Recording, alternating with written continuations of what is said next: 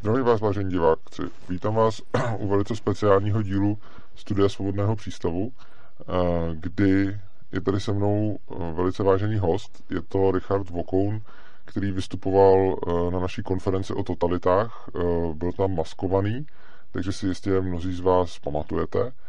A protože jste si psali o to, že chcete pokračování jeho přednášky, který on tam s ní řekl nějakou značnou část, ale potom mu, potom mu došel čas, a navíc se vám uh, líbilo to co, to, co, to, co říkal a psali jste si o to, abych ho pozval do studia, tak jsem to nakonec udělal. A protože Richard Vokoun je tajemný maskovaný muž, uh, tak tady poprvé sedí uh, v otočeném křesle, aby nikdo nemohl přečíst jeho biometriku a podobně. Takže zdravím tě. Já také zdravím, jenom podotknu, že nejsem tajemný, jsem jenom nezajímavý. okay. Tak. A čím víc toho vím o jaksi technologiích dohledu, tak tím důležitější vnímám zachovat si soukromí. Není to, že bych byl nějaký tajnůstkář nebo že bych si hrál na špiona, ale já vlastně nejsem žádný expert. Jsem jenom čtenář, který se dostal ke spoustě zajímavých knih a protože jsem zároveň pesimista, tak eh, se snažím prostě chránit si soukromí i budoucnost. Ta biometrika vlastně, soukromí jsem se začal snažit nějakým způsobem si chránit už předtím, než nastoupila biometrika.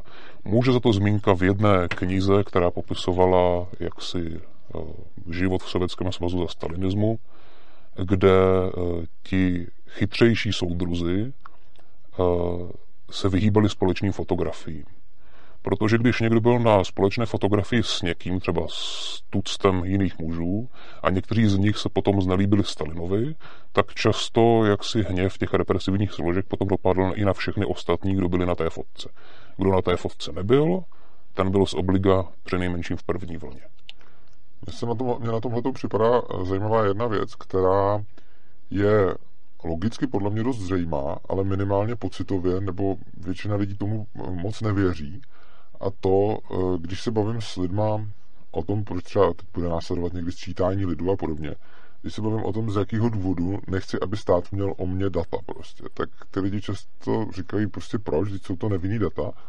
A já jim často říkám, no dobře, oni jsou to teďkon nevinný data, ale my nikdy nevíme, když by přišla nějaká totalita, což samozřejmě může přijít kdykoliv, tak který ty data budou potom použitý proti nám. Bys třeba, když řeknu, já nevím, Židi ve třetí říši dali do sčítání lidu, že jsou Židi, protože tehdy to bylo v pohodě a potom se přesně z těchto těch dat eh, jako po, po nich šli a posílali do těch koncentráků. Před, před třetí říší.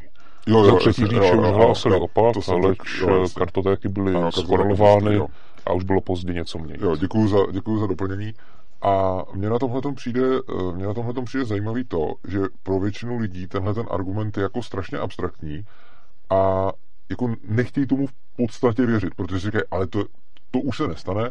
A já říkám, tohle to přesně ne, ale třeba něco jiného, protože budou záznamy o čemkoliv, jo? budou jako nějaká lékařská dokumentace, mm. kterou má stát a teď si může vybrat všechny, který mají nějakou nemoc třeba, nebo mají duševní chorobu, nebo který mají zkušenosti s drogama, nebo prostě cokoliv takového. A ty, ty se najednou během deseti let můžou stát s těma vyhralama, který je potřeba odstranit. A když tohleto člověk lidem říká, tak většinou se setká s tím, že oni si to jako poslechnou a řeknou, hm, to, to se nestane prostě. Já bych k tomu doplnil jednu poznámku, kterou vnímám jako klíčovou. Hodně lidí, zejména z libertariánských nebo anarchokapitalistických kruhů, propadá dichotomii státní, soukromé, špatné, dobré, která je ovšem na základě všech mých znalostí vlastně milná. Protože téměř každý totalitní režim nezačínal jako stát, který najednou se rozhodl zneužít své informace ale začínala jako něčí soukromá iniciativa, soukromá armáda, soukromá úderka, pár revolucionářů a podobně. Ti si založili nějaké vlastní milice a stát vlastně ovládli tím, že dokázali terorizovat své oponenty nebo zlikvidovat. Tím vlastně to byla prerekvizita pro to, aby mohli přebrat tu moc ve státě.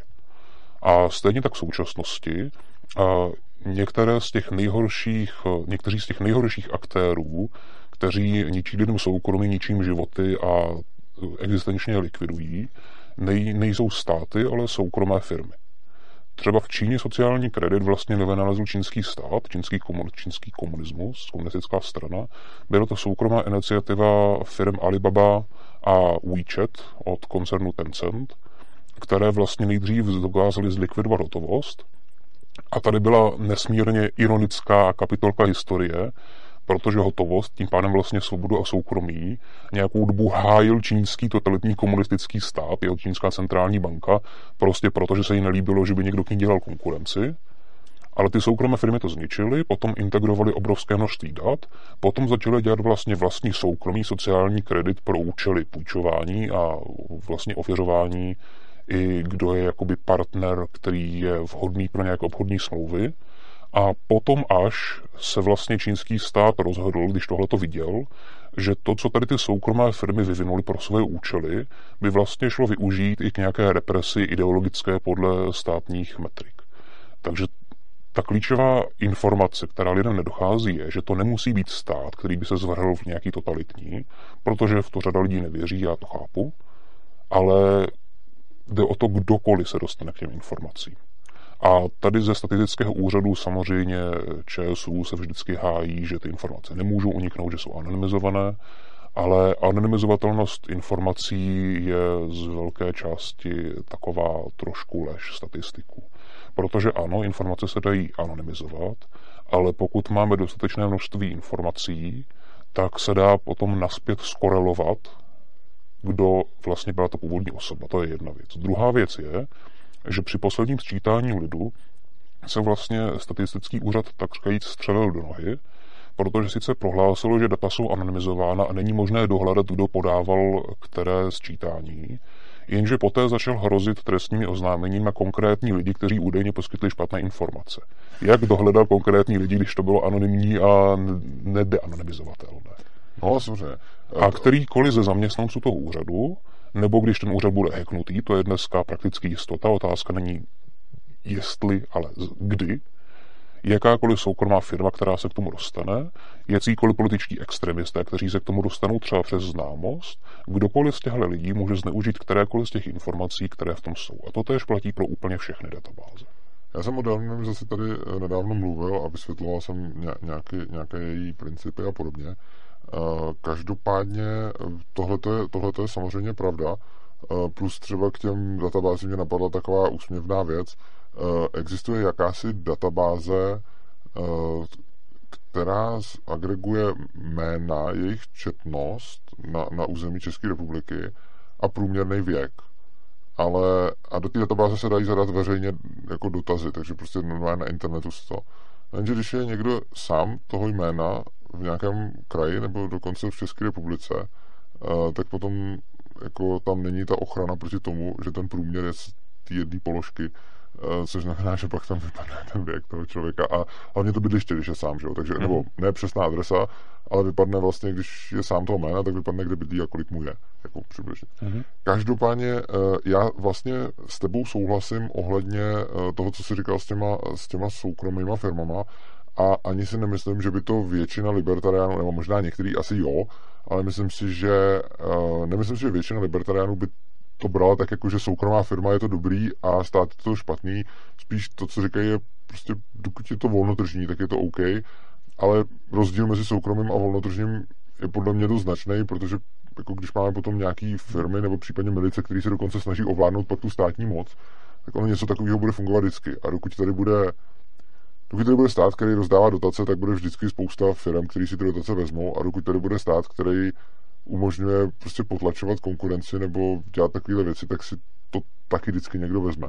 Což znamená, že já vlastně souhlasím s tím, že uh, tím, tím zlým může být, jako, že to může pocházet od kohokoliv v podstatě, ale to, to co myslím, aspoň většina libertariánů říká, je spíš to, že bez té státní moci uh, by se tohle to nedalo tak jednoduše provést. Že, že vlastně není vyloučený, že by soukromá firma úplně sama jako ovládla všechno, ale vlastně by k tomu musela mít o krok navíc oproti tomu, když tady existuje ten stát, tak eh, má značně jako lehčí tu pozici, když chce něco takového dělat, protože může vlastně mm, může vlastně přesně, jak si říkal, jako ten stát nějakým způsobem ovládnout, případně ho donutit k tomu, aby udělal nějaký kroky prostě. Já bych tu nerad zabíhal do debat o anarchokapitalismu nebo libertariánství, protože to jsou do značné míry takové poněkud akademické debaty o teoriích. Já jsem svého času také velmi sympatizoval s libertariánstvím, ale čím víc jsem toho četl a hlavně čím víc jsem potom slyšel osobní svědectví nebo zkušenosti lidí, kteří jak si zažili na vlastní kůži to, jak to funguje v zemích třetího světa nebo vysloveně v selhavších státech, failed states, tak tím víc vidím, že tahle empirie je často neslučitelná s teoriemi. Protože kdykoliv je někdo příznivec nějakého systému nebo ideologie nebo, jak si řekněme, ehm, nauk nebo vizí o uspořádání společnosti, eh, tím větší má tendenci, jak říkal Sherlock Holmes, interpretovat fakta tak, aby zapadala do jeho teorie. S tím, co říkáš, souhlasím a i bych měl odpovědi na, ty, na, na tu empirii, která podle tebe nesedí s těma teoriema, ale dobře, ne, ne, nebudeme, nebudeme, do toho, nebudeme do toho zabíhat. A jako, samozřejmě máš pravdu, že čím víc, eh, čím víc seš příznivcem něčeho, tak tím víc potom máš tendenci interpretovat všechno, což je jako velký problém, s kterým, s kterým, se vlastně, s kterým musím neustále pracovat, protože ať člověk jako chce nebo nechce, tak se, tak se tohle to děje a myslím si, že to jediné, co se s tím dá dělat, je si to uvědomovat a prostě s tím počítat. Každopádně můžeme se vrátit zpátky k tomu, o čem jsi mluvil, na, o čem jsi mluvil vlastně na té konferenci. Ty jsi vlastně mluvil vůbec o tom, co je totalita, jakým mm-hmm. způsobem vzniká a tak. A možná pro lidi, kteří třeba na konferenci nebyli nebo tě neviděli, bychom mohli dát krátkou rekapitulaci toho, aby si vysvětlil vůbec ty pojmy a nějak rychle proběh ty kořeny, což si tam dělal v té první části přednášky a pak se můžeme dát k tomu, k, tu, k té druhé části, kterou si, tam, kterou si tam vlastně už nestih. Určitě. Uh, ta klíčová věc je, že eh, pro řadu lidí je totalita něco jako adjektivum strašnosti. Zlý, horší, nejhorší totalita. Uh-huh. Pro řadu jiných lidí je totalita synonymum pro diktaturu nebo k nerozeznání od diktatury a ještě pro jiné je totalita cokoliv, co není demokracie, ať už je definována jakkoliv. Všechny tyhle ty přístupy jsou, eh, věřím, velmi škodlivé, protože se vlastně snaží redefinovat slovo, vzít mu ten reálný význam a používat ho nějak trošku svévolně vlastně kvůli tomu emočnímu náboji, čímž se ovšem zcela ztrácí ten význam toho slova a ono je vlastně degradováno. Souhlas. Je to něco podobného, jako můžeme poslední dobou vidět se slovem fašismus. To hmm. znamenalo prostě konkrétní systém, který má nějaké velmi charakteristické rysy. A pokud dneska ovšem říkáme, že to je fašismus, hele, tenhle ten pádek rohlíku, to je fašismus, tak eh, potom to slovo přestává mít jakýkoliv význam a není už možné jim něco popsat. Je nutné hledat nějaký nový termín, který nejspíš nebude tak výstižný, budou vznikat nedorozumění a tak. Eh, takže ta klíčová podstata je, že totalita si nárokuje všechny oblasti lidského života. Eh, totalita se vlastně snaží převychovat jedince, nenechat mu ani špetku soukromí, nenechat mu žádnou osobnost, žádnou svobodnou vůli a všechno, co v člověku je, nahradit něčím jakoby správnějším, o čem je přesvědčena, že je morálně, ideologicky správné. V kontrastu s tím diktatura, Uh, Ještě jenom, jestli můžu, uh, když to takhle řekl, já s tebou naprosto souhlasím, jenom bych dodal, že potom, uh, když se to často takhle definuje, tak si řada lidí pomyslí, že ta totalita je to jenom, když už se to děje takhle na 100%. To, co chci říct, je, že totalitě to samozřejmě může směřovat a že to je jako škála, prostě, že to není jako mm. ano, ne, ale že prostě spousta režimů může mít totalitní prvky a už se k té totalitě nějak blíží, byť se jim to ještě nepovedlo úplně. Tady bych to rád také rozlišoval, protože totalita, jasně, jsou věci, jako nakolik se podařilo implementovat tu, hmm. tu totalitu, ale druhá věc je, nakolik je vlastně charakter toho režimu totalitní. No. Protože uh, na to jsem potom narazil na té konferenci v závěru a byla to jen taková zmínka, ne každý systém, který se snaží ovládat každý aspekt lidského života, je totalitní. Totalitní je, pokud se snaží ovládat všechny prvky lidského života kvůli nějakému jednotnému narrativu nebo ideologii, skrz jejíž prisma je na všechno nahlíženo a která je rozpracována do dalekosáhlých důsledků. Kromě toho ale ještě existuje systém, jo, je to jakoby třetí škatulka vedle diktatury a totality, kterému se říká byzantismus, na základě vlastně toho, jak si představovala středověká Evropa, že fungovala byzantská říše. A to je systém, který je vlastně tak zbyrokratizovaný, že úplně každá oblast lidského života je nějakým způsobem regulována, avšak nikoli proto, že by tady byl prostě nějaký fanatismus, nějaká ideologie, ale proto, že v tom systému tak strašlivě bují byrokracie a regulace pro regulaci samotnou, že všechno je vlastně nakonec regulováno víceméně náhodně a bez jakéhokoliv vyššího zájmu. Já osobně třeba ten byzantismus beru jako pozdruh totality, ale jako je to o jako definicích a názvech. Jak no je, jako... pozor, právě že není. A, protože v praxi je obrovský rozdíl mezi režimem, který je totalitní a který je byzantinský. A, totalita je totalitou, protože má nějakou ideologii, která má monistickou morálku, to znamená účel světí prostředky, a na všechno nahlíží tohletou morálku je z principu vlastně fanatická, neuznává žádný kompromis a vyžaduje, aby byl každý zcela a úplně podrobený té ideologii, že vyznačuje a proto se snaží zasahovat do všech oblastí života, aby byli vlastně všichni dokonalí, předěláni na dokonalé lidi, kteří budou morálně naprosto správní, protože následují tu ideologii. To znamená, že je to velmi koherentní a konzistentní systém a ti, kteří ho vymáhají, se vyznačují obrovským fanatismem a zápalem, protože každý z nich to dělá, protože je bytostně přesvědčen o tom, že zachraňuje svět, nastoluje nebe na zemi, nebo dělá něco podobného a kdokoliv k tomu odpoje je zlo. V totalitě to právě nebývá v té první vlně. Uh, oni velmi rychle, když, když jsou opravdoví fanatici, tak velmi rychle se rozklíčuje většinou, kdo je fanatik a kdo se to dělat z prospěchářských důvodů, protože ten prospěchář není tak zapálený. Oproti tomu v byzantismu je to vlastně náhoda. Takže ty věci, které jsou regulovány, si často protiřečí. Není v tom žádná ucelenost, není v tom žádná ideologie, která by tomu dávala jednotný rámec, není tam žádný narrativ. A protože je v tom takový obrovský nepořádek, tak je vlastně poměrně jednoduché, nebo ne jednoduché, ale dá se tím, na rozdíl od totality, nějakým způsobem proplouvat a vlastně využívat tu nejednotnost toho systému, ten náhodný rys, ten obrovský chaos, který je v byzantismu vše prostupující, aby se tím člověk nějakým způsobem pronavigoval. A to i proto, že ten systém není jednotný. Totalita z principu, to je prostě jako nejfanatičtější náboženství. Prostě všichni věří a jsou si, jsou si bratři, kteří jdou potírat to zlo, které vidí v komkoliv, kdo se odchyluje nebo odlišuje. V byzantismu tohle to chybí. Každý úředník si vymáhá nějaké své regulace, víceméně, aby měl nějakou náplň práce a mohl zdůvodnit svoji existenci, ale vůbec nekryjí jeden druhého. Takže je možné štvát ty úředníky nebo vymáče jednoho proti druhému a vlastně vznikne z toho systém, přemýšlím, jestli je nějaký literální nebo umělecký předobraz tohohle toho.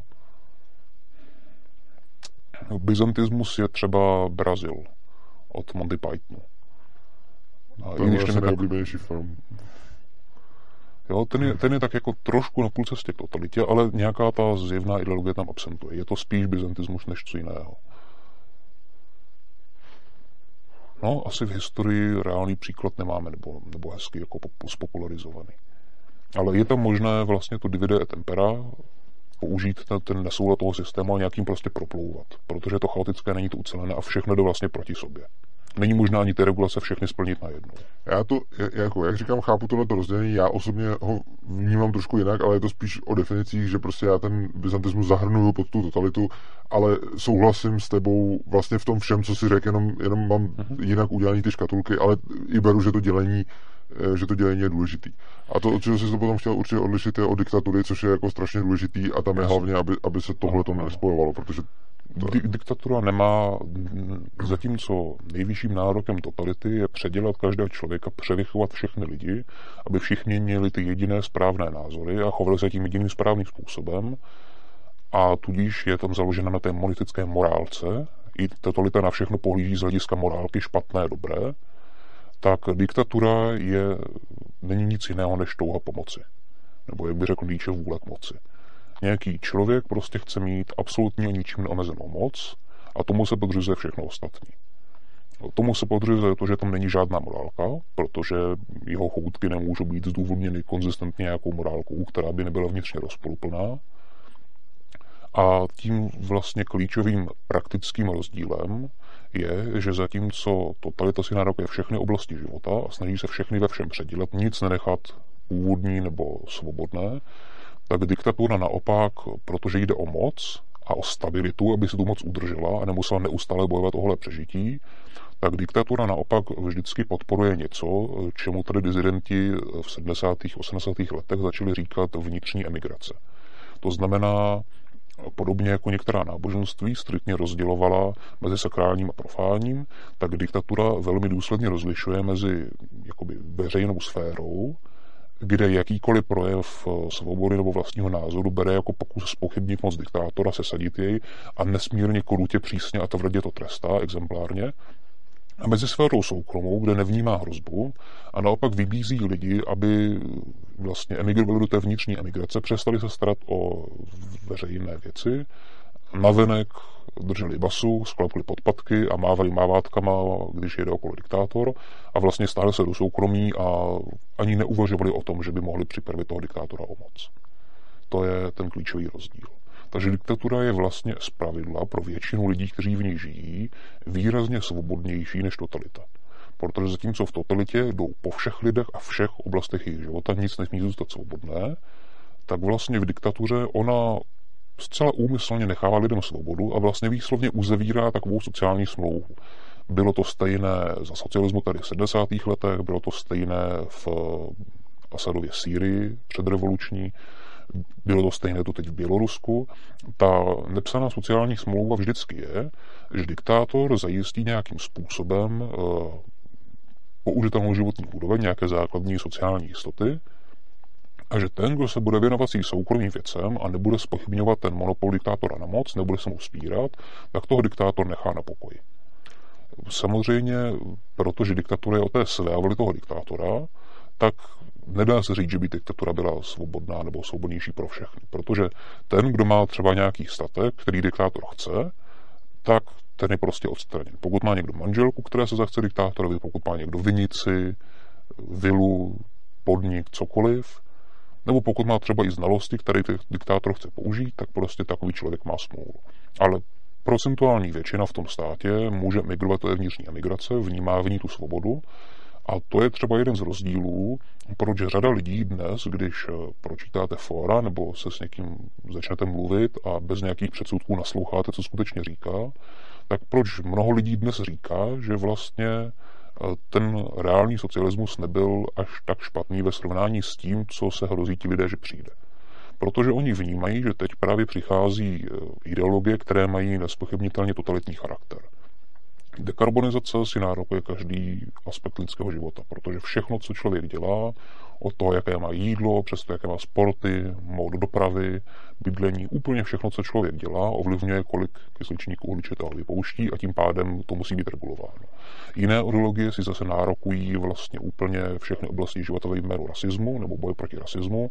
Vlastně teď vyšly, vychází studie ve Spojených státech, že vlastně třeba věci jako odložená spotřeba, nebo nějaké ovlá, sebeovládání, důraz na sebeovládání, finanční šetrnost a takhle, že to všechno jsou vlastně bioložské eh, priority a e, tudíž e, tohleto vyznávat je vlastně biologický supremacismus a rasismus a že je to špatné. Bych... A řada takovýchhle ideologií. A ti lidé na to hledí a říkají, no pokud by přišla totalitní ideologie, tak ve srovnání s tím socialismem vlastně za, za socialismu ano, byla to diktatura, ale kdo nešel do toho sporu s vládnoucí mocí, ten si mohl ve své garáži opravovat Škodovku nebo si tam létat na Rogalu v aeroklubu, když neletěl k hranicím a mohl si žít aspoň ten svůj život soukromý. Já bych tomu možná dodal to, že uh, samozřejmě ty režimy, jako souhlasím s tím vysvětlením toho rozdílu, vlastně se s tím stotožňuju, jenom asi uh, umím si představit, že pro spoustu lidí je to jako buď a nebo a ona, ona spousta těch režimů obsahuje prvky z jednoho i druhého. Což znamená, že já bych třeba byl možná trochu opatrnější s označením toho předchozího režimu za čistou diktaturu po té, co jsme popsali tyhle ty rozdíly, protože si myslím, že tam byly určité totalitní prvky. Eh, ono se to samozřejmě vyvíjelo. V diktaturu vlastně ten režim degeneroval až po těch čistkách po roce no. 69.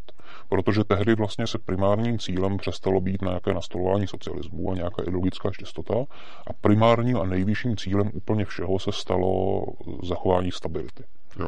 Tím pádem byli vlastně ze svých pozic, když si člověk přečte třeba Šimečku, a obnovení pořádku, tak ze svých pozic byli vyhazováni i schopní ideologicky čistí komunisté, protože, protože byli příliš schopní a vlastně mohli mít takovéto totalitní směřování, kdy jim šlo víc o tu ideologickou čistotu, než o podřízenost autoritě, tak představovali potenciálně destabilizující prvek.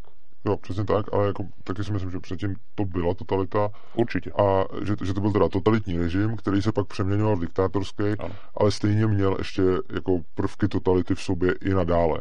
Což, to určitě. což znamená, že potom jako uh, jako těžko se to dá u každého toho režimu, u každého toho režimu hmm. jako určit i proto, že ty jednotliví lidi můžou mít jednotlivý svoje cíle a můžeme mít diktátora, který má nějakou třeba totalitní kliku pod sebou, případně můžeme mít totalitní režim, ve kterém se začínají dostávat k moci eh, jako oportunisti, čímž se zase může Určitě. jako měnit. Takže. Totalitní diktatura je, je typické zřízení. No, jasně.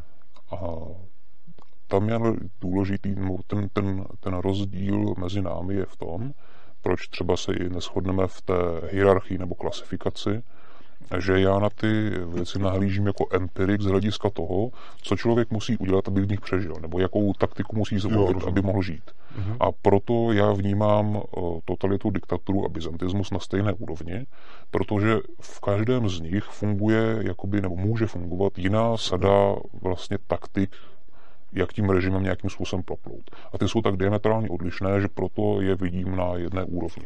Rozumím. Uh, potom možná, uh, co se týče, uh, co se týče vlastně toho, uh, co jsme tady říkali, že teda, když vezmeme rozdíl diktatury a totality, tak když se potom podíváme na demokracii, tak si myslím, že je hrozně zajímavý jako nahlídnout, že demokracie zcela odporuje diktatuře. To je v podstatě podle mě úplný opak ale není to podle mě opak totality. Ano. Což je strašně důležitý si uvědomit a myslím si, že celá řada lidí tohleto opomíjí.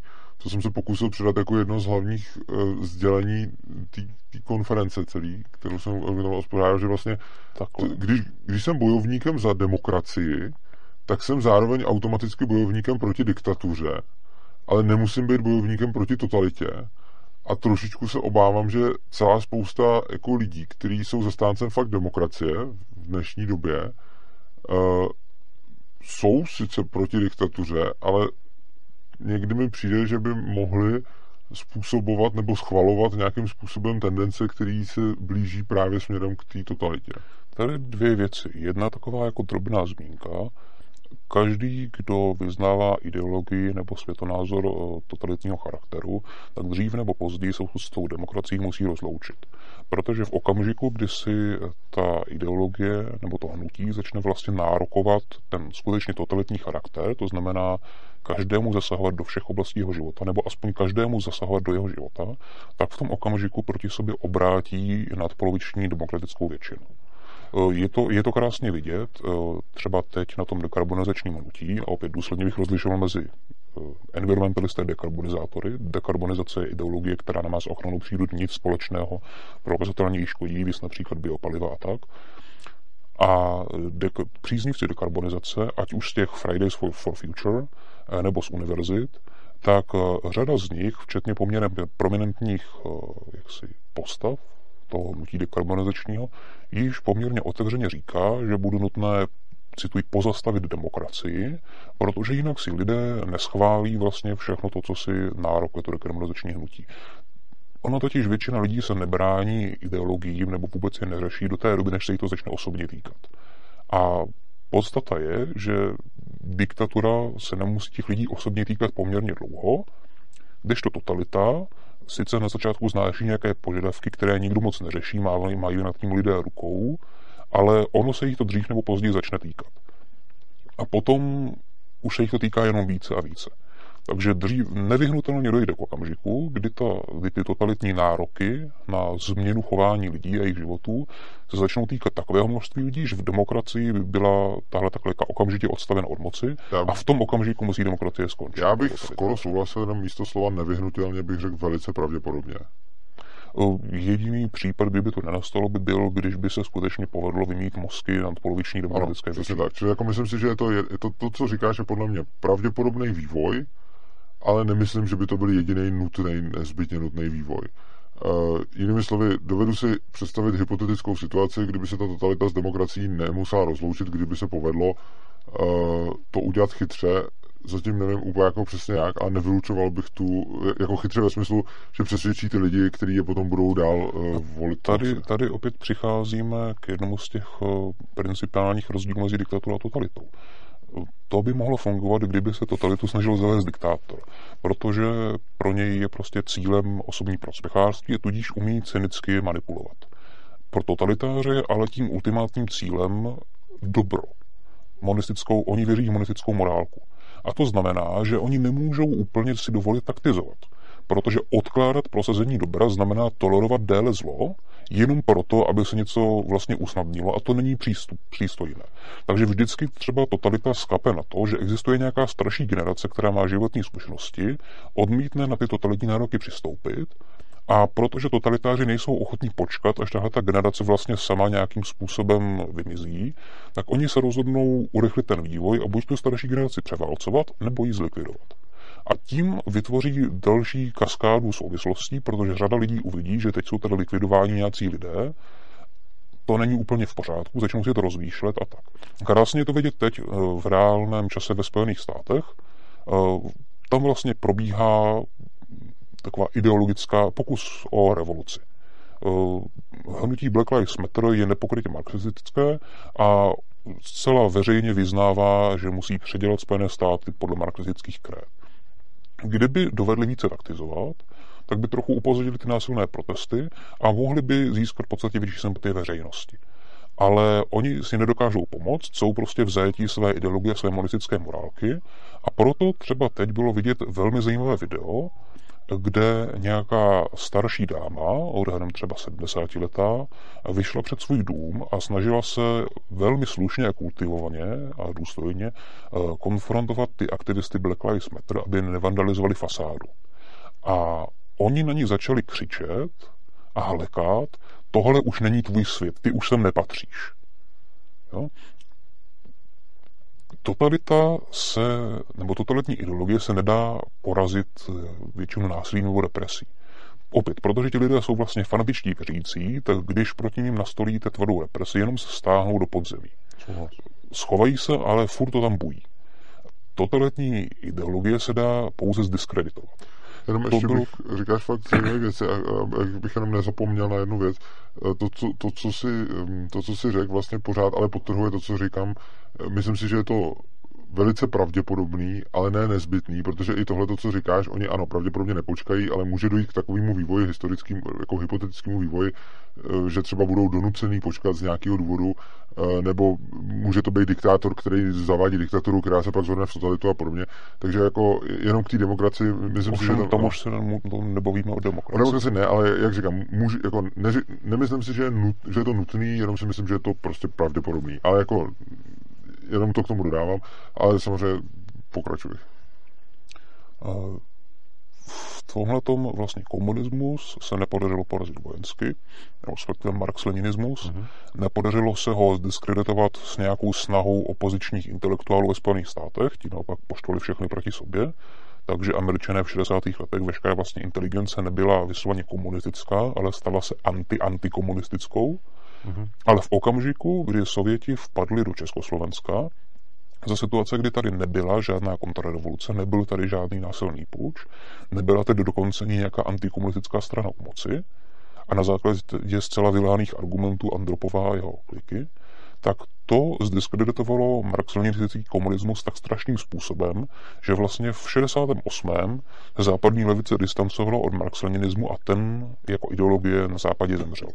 Ztratil života schopnost se šířit.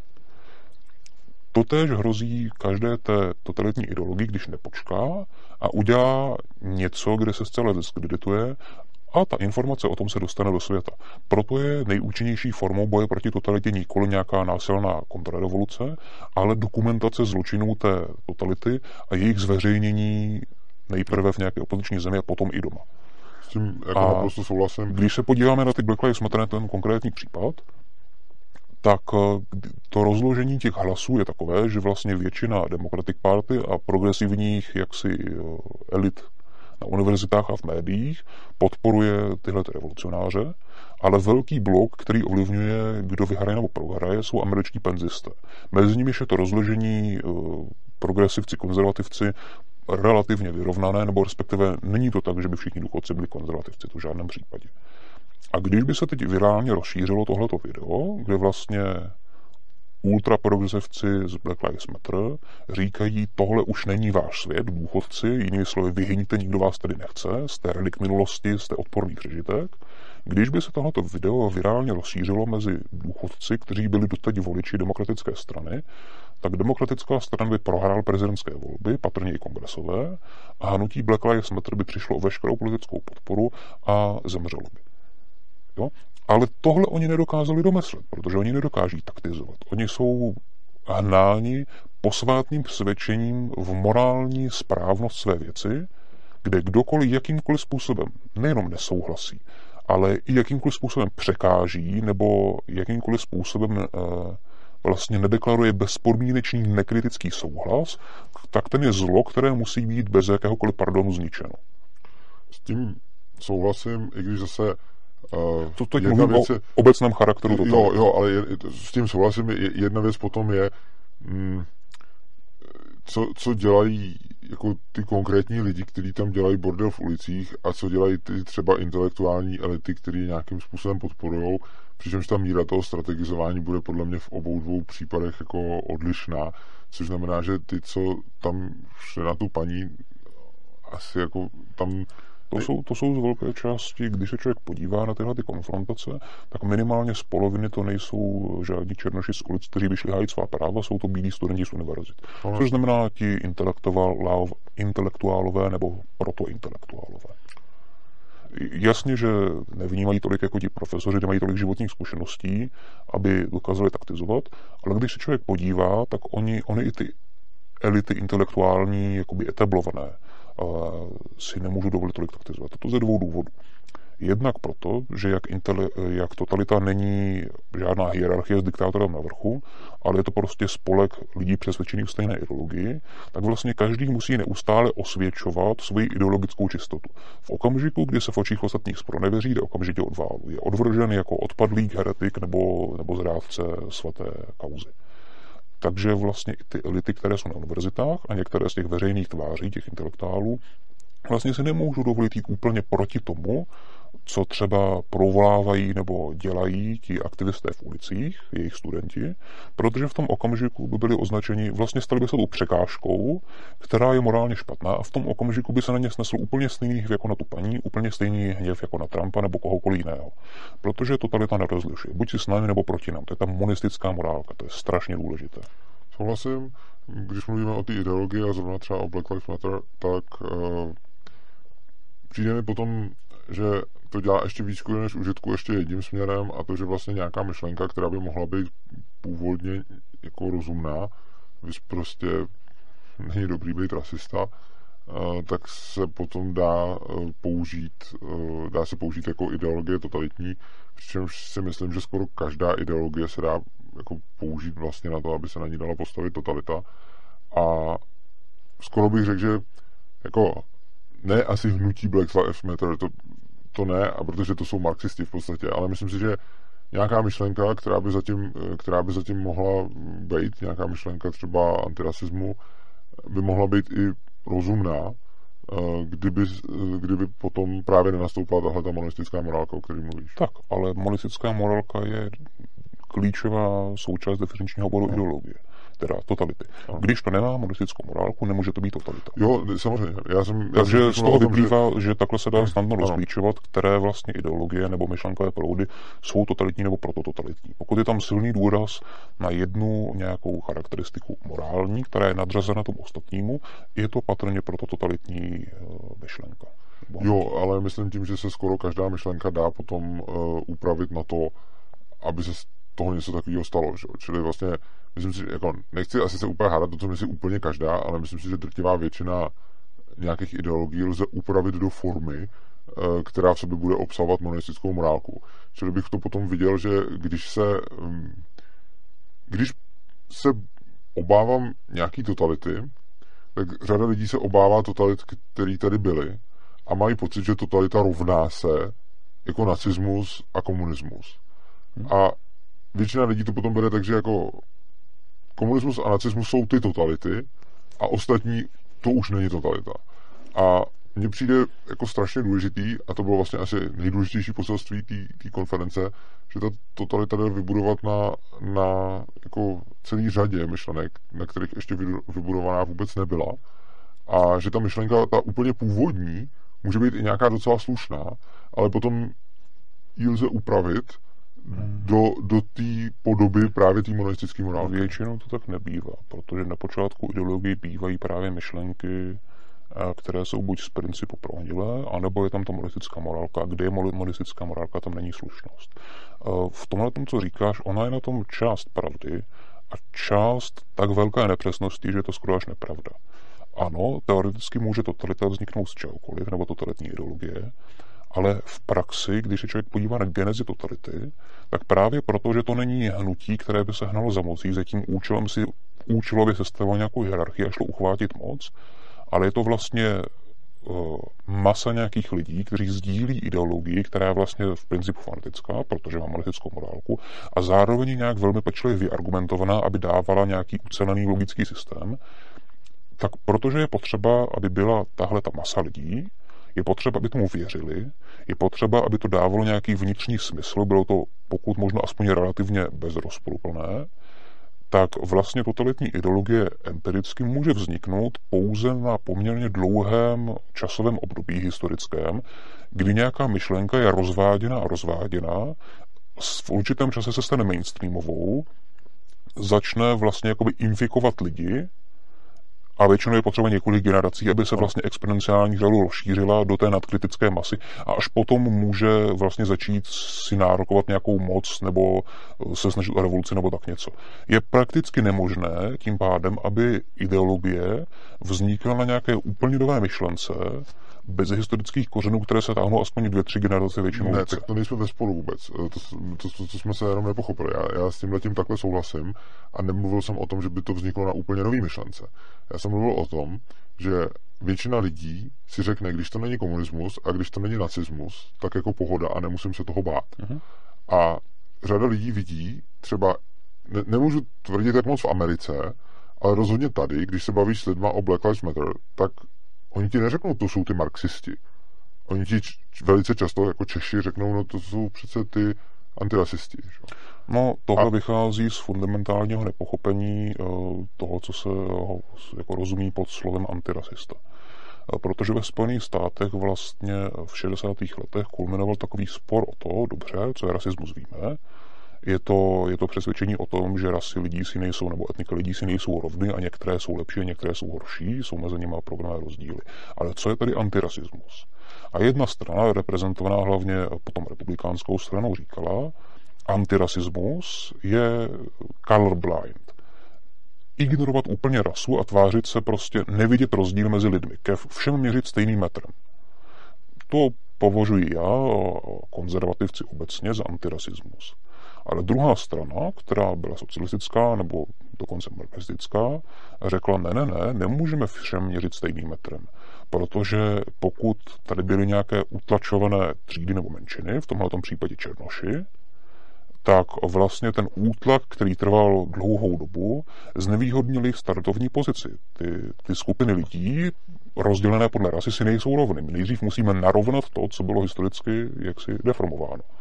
A z toho nutně vyplnulo to, čemu se nejdřív říkalo pozitivní diskriminace nebo affirmative action a vlastně vzniklo z toho rasismus na ruby. A potom tahle ta debata vlastně dál, dál se posouvala. Konzervativci si pořád stali na tom, že jediný antirasismus je colorblind, ale progresivní eh, ideologové nebo myslitelé a intelektuálové vlastně stále rozpracovali tu ideologii vlastně o tom, že antirasismus vlastně znamená vykořenit to, co je jakýmkoliv zdrojem útlaku a postupně se vlastně dopracovali k tomu, že rasismus znamená jakoukoliv konzervativní myšlenku.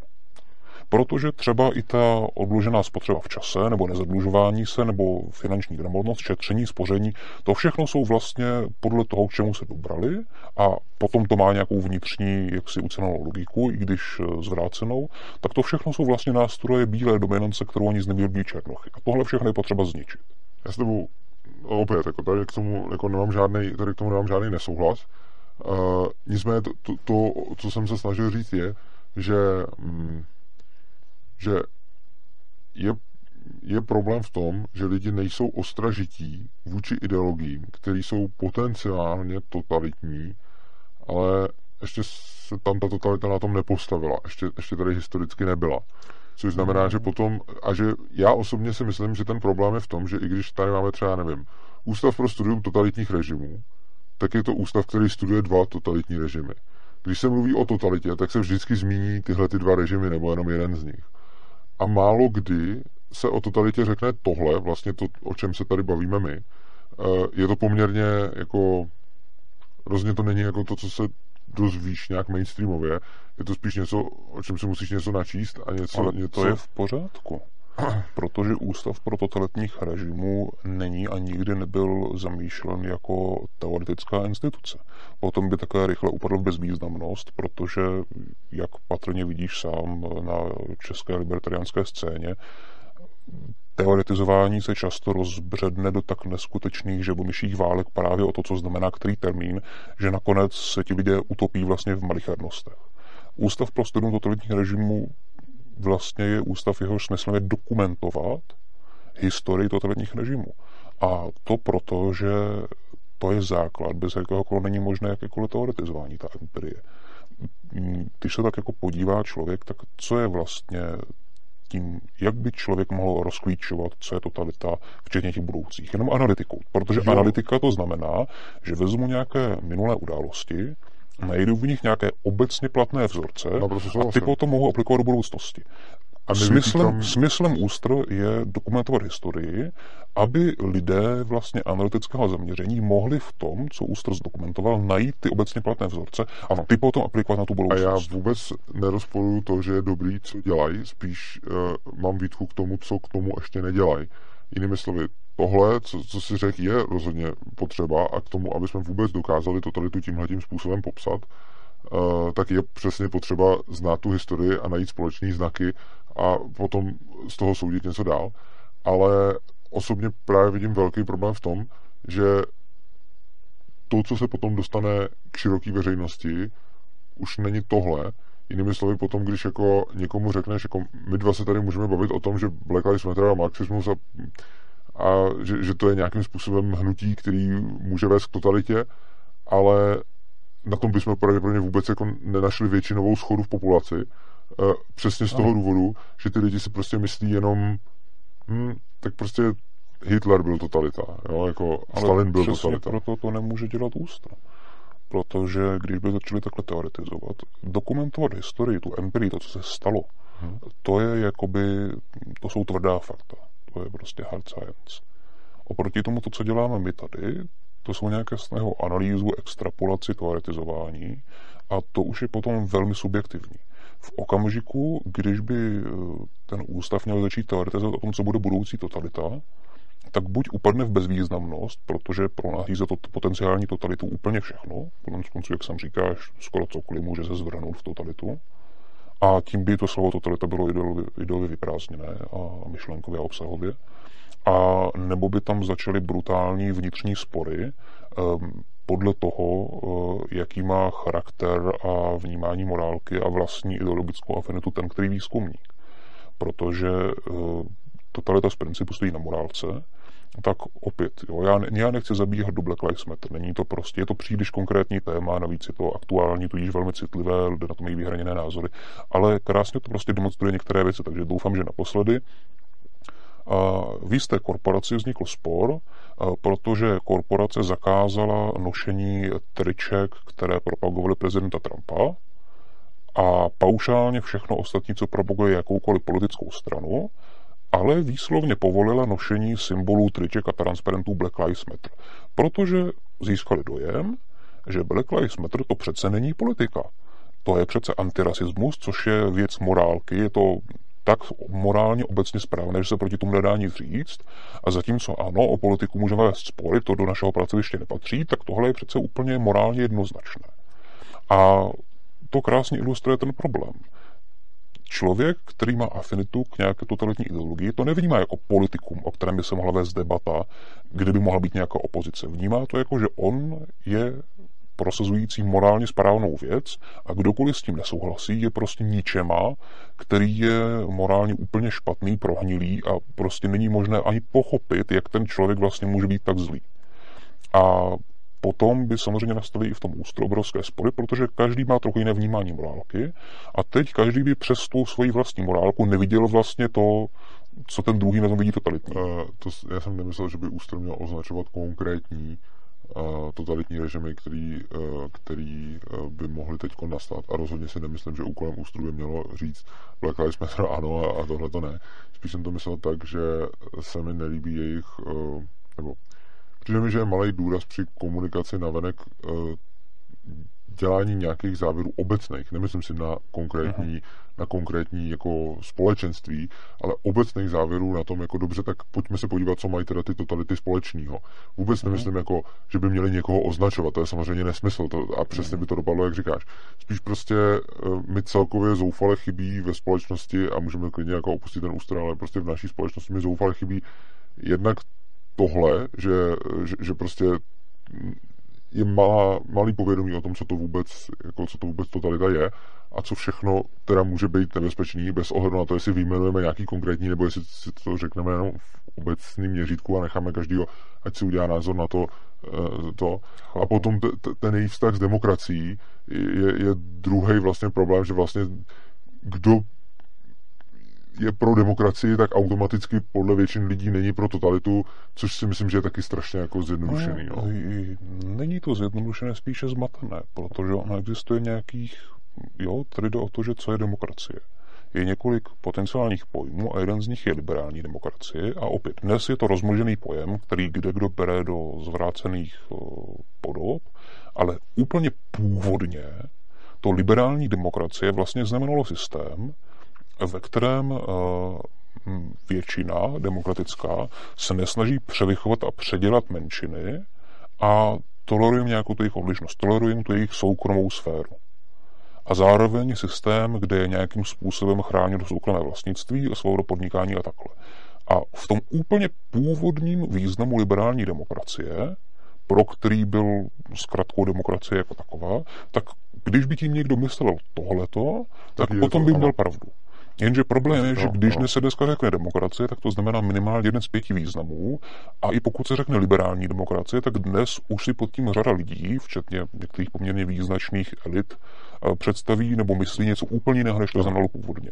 A potom tady dochází ještě k další tragikomedii, kdy se lidé vlastně začínají eh, vést své vlastní soukromé války proti těmhle těm termínům. Je třeba řada lidí, kteří vedou válku proti liberální demokracii, třeba pan Orbán měl krásný proslov proti liberální demokracii, v kterém rozstupoval eh, řadu vlastností zavržení hodních, řadu takových, jako dalo by se o tom eh, spekulovat, a některé třeba i pozitivní, ale stejně dobře místo liberální demokracie by mohl říct třeba eh, globalismus nebo skřítkismus, protože to je přesně ten problém, o kterém jsme se bavili na začátku. Když lidé přestanou důsledně dbát na obsah slov a co znamenají, na jejich význam a začnou je používat arbitrárně jako víceméně morální hodnocení správné dobré, mně se to líbí, tak je to liberální demokracie, bez ohledu na to, co no to, to je. je. Potom se ztratí význam, potom se ztratí jakékoliv dorozumění a ztratí se veškerá možnost vést jakoukoliv debatu. Já pod slovem demokracie tečka myslím prostě systém, kde vládne většina, protože ono problém s liberální demokracií, jako tak, tak, jak jsme popsal liberální demokracii, Uh, tak s tím nemám žádný problém, ale, nebo tak jako samozřejmě, že to vůbec nějaká vláda, ale jako když to, to odhlídnu, Uh, ale ten problém je v tom, že ono potom, uh, já jsem přesvědčený, že takovýhle, um, že my si sice můžeme říct, tohle už není liberální demokracie, ale jsem přesvědčený, že nelze uh, reálně dosáhnout skrze nějakou ústavu a podobně toho, aby ten režim liberální demokracií zůstával i nadále. A proto, když řeknu demokracie, tak tím nemyslím a priori liberální demokracii, myslím tím systém, kde prostě většina rozhoduje skrz volby a pokud si většina teda rozhodne jako cokoliv dneska, tak ne, dneska pořád žijeme v demokracii, ale už to není podle tohohle tvýho, uh, podle tohohle tvýho, jako... Já jenom plunku, to není moje demo, definice, jo, jo, já jsem, tom třeba Farid Jo, jasně, já jsem, samozřejmě, to, já jsem to nemyslel takhle, ale prostě, že dneska žijeme v demokracii, ale už to nespadá do téhle liberální demokracie. Ale rozhodně dneska pořád, podle mě, žijeme v demokracii. A kdo zastává demokracii obecně, a je teď jedno, pokud vynecháme ten přívlastek, tak ještě nemusí být antitotalitář. Uh-huh. A právě si myslím, že je důležitý, důležitý zmínit tenhle ten rozdíl mezi tím všem, když to potom na tím člověk zamýšlí, tak potom je vlastně důležitý si uvědomit, že ne každý, kdo je zastáncem prostě demokracie, uh, tak je proti totalitě, protože Samozřejmě. často není. Demokracie a diktatura uh, jsou uh, jednotlivé póly participace na politické moci. Uh-huh kdežto totalita a nějaký protipól myslím, jsou protipóly osobní soukromé no. svobody. Ano, já, já jako po, protipol totalitě vidím decentralizaci. Hmm, decentralizace s tím nemá nic společného. Podle mě. Protože i když bys měl úplnou decentralizaci, kdy vlastně neexistuje žádná centrální autorita, tak vždycky můžeš mít nějaká lokální ohniska, kde někdo není autorita, ale vynucuje si svoji vůli s takovou efektivitou, že lidé jim bezprostředně ovlivnění nemají žádnou svobodu. Můžeš mít třeba i tchýni, která je schopná manipulátorka a je to tak dobrá manipulátorka, že ti lidé nemají, nemají svobodu. Jo? Decentralizace neznamená svobodu. Decentralizace znamená de facto právo silnějšího nebo schopnějšího na té koncové úrovni. No jo, jenže ta tchýně udělá, nebo tyhle ty lokální ohniska udělají potom ten, jako, tu nesvobodu právě jenom lokálně. A když je ta decentralizace Ale... dostatečná, tak uh, jako ono ostatně, když potom jako, potom jako absolutní decentralizace je až na úroveň jednotlivce, že jo? čili tam už je to svoboda. Takže ono potom, jako myslím si, že čím no, víc je to... To je, opět zabíháme do teoretizování, protože jo, jedinec nežije ve vaku. Jo. Samozřejmě. Ale tak to by bylo, se bylo anarchokapitalismus takhle, tak to můžeme to pomenout a můžeme se dostat k tomu, k té druhé části té tvý přednášky, a tak ty surveillance mm-hmm. a, mhm. a tak, čili teď vlastně to, co, to, co na konferenci nezaznělo.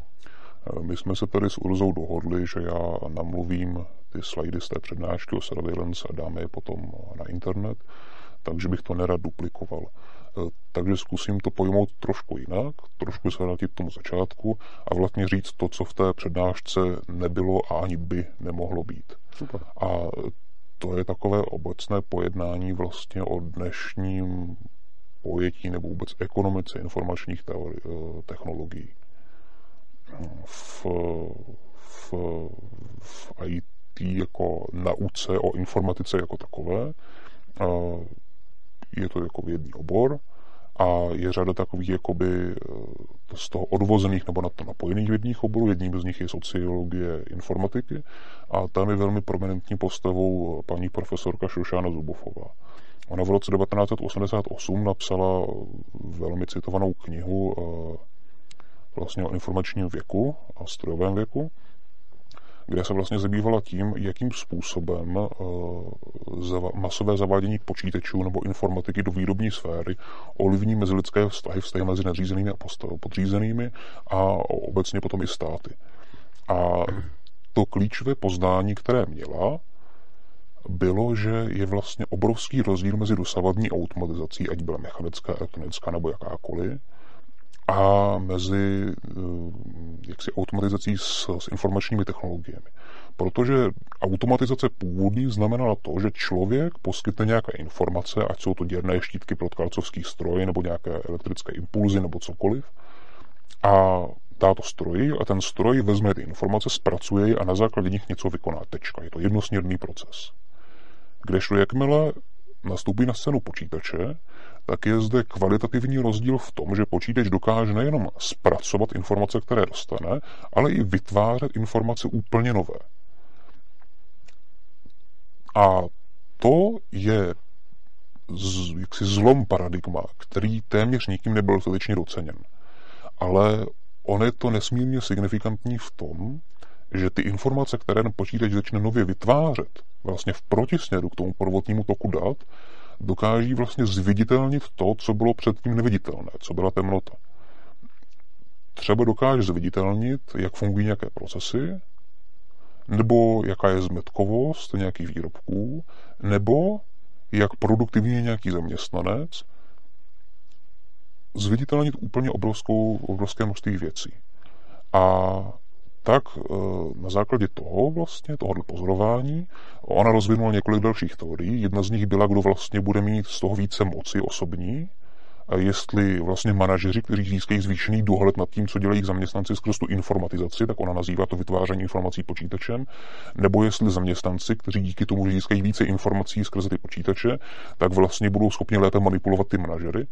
Ale takový jako vedlejší produkt byla tři taková pravidla, kterými ona schnula ty nevyhnutelné dopady informatizace. Jedna z nich je, že cokoliv může být automatizováno, bude automatizováno. Druhé, cokoliv může být informatizováno, neboli vytvářet informace a schromažďovat, bude informatizováno. A za třetí, cokoliv je informatizováno, tak vždy bude dříve nebo později nevyhnutelně využito nebo zneužito, bychom řekli my, k dohledu, k supervizi. A tohle to ono řekl v roce 1988 a od té doby celý svět vlastně tak jako pasivně a občas s překvapením zjišťoval, jak moc se v tomhle trefilo. Protože skutečně v, v 90. letech, na konci 90. let, když Microsoft vyvíjel ten kancelářský balík Office a Intel dával na trh nové procesory, tak jeden z těch zlomů bylo, že Intel vlastně začal zavádět sériové číslo do těch procesorů.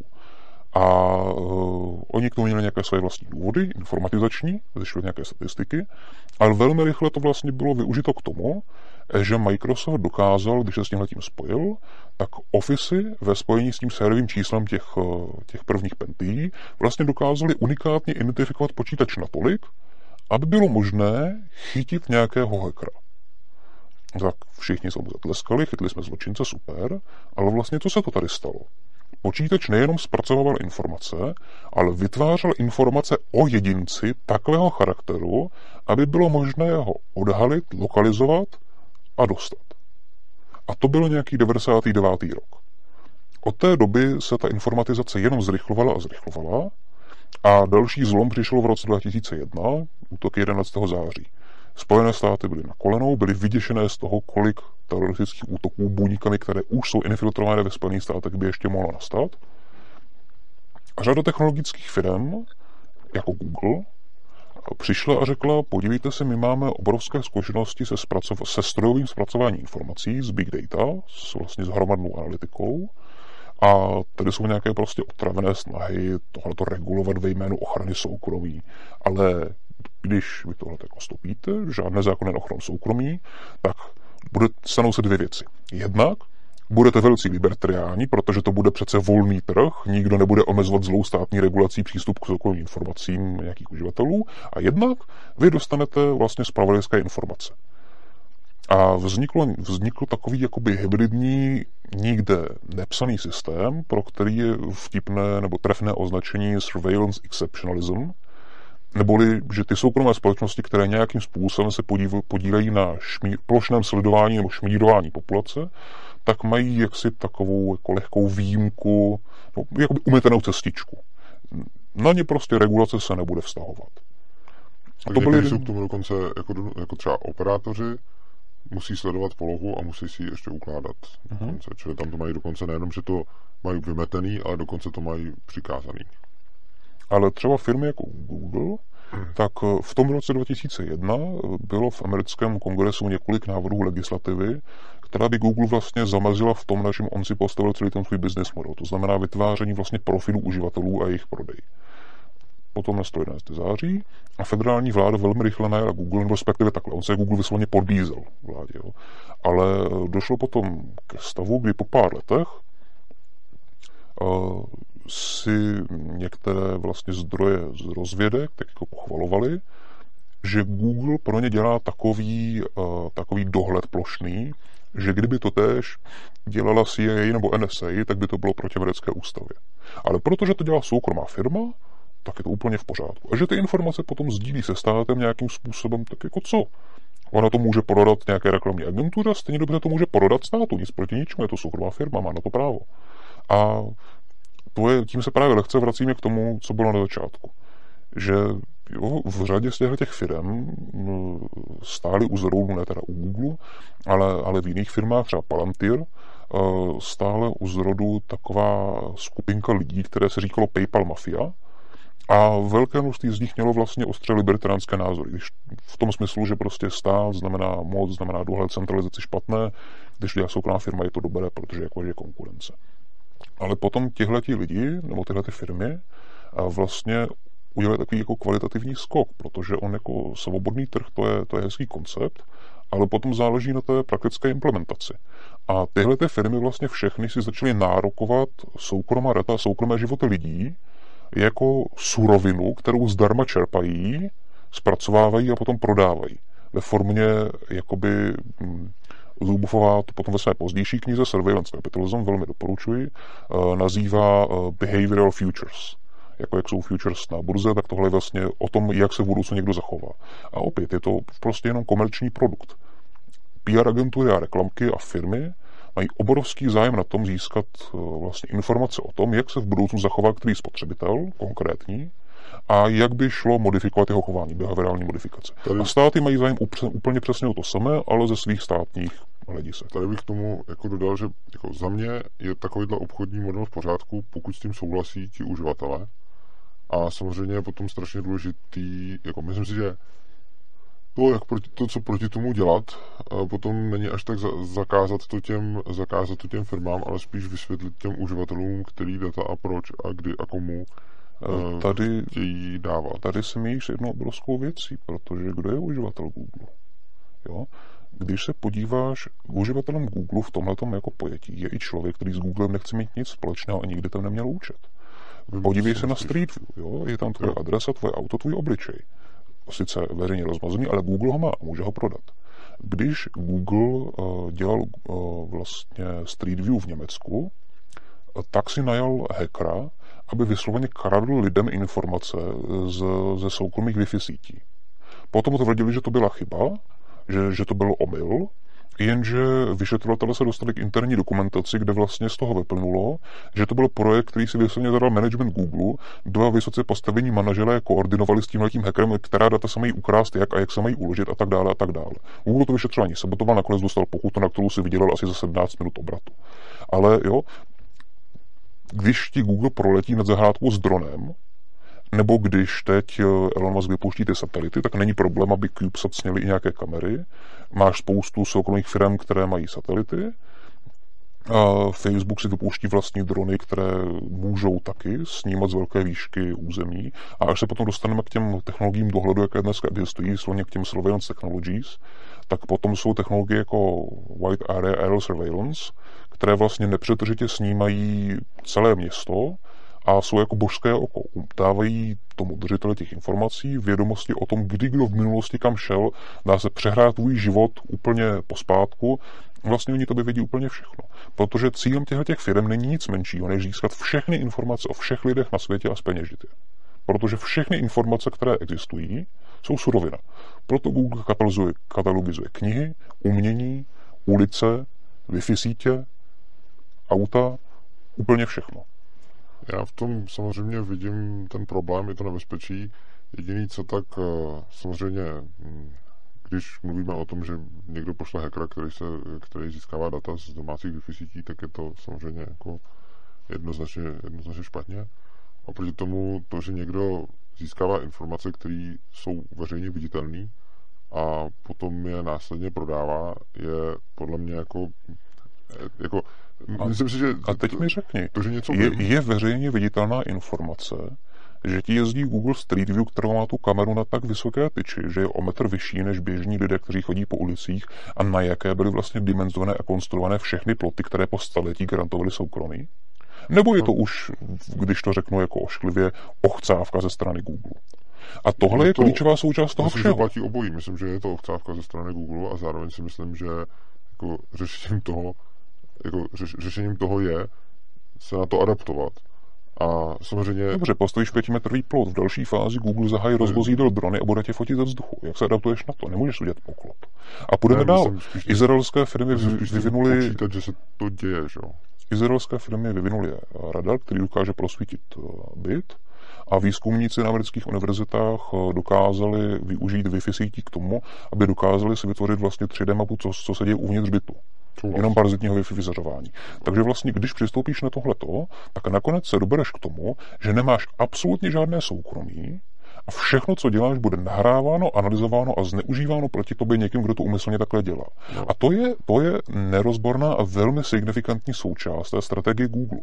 Protože oni celý ten business model mají postavený na tom, že získávají ty soukromé informace a zneužívají je, tak jejich imperativ je všechny získat, nikdy si v tom nedovolit někým překážet. Takže pokaždé, když vlastně Google, Google nemá jenom vývojáře, on má i behaviorální psychologii, má adiktologii, aby lidi jako na jejich technologie, a má i propagandist, propagandisty vysloveně a, a různé historiky a PRáře, kteří dělají vlastně to, a filozofy mají nevýplatní pásce a všichni těhle dělají to, že se vlastně snaží dopředu ospravedlnit jakýkoliv další výpad Google, ukrást více soukromých dat.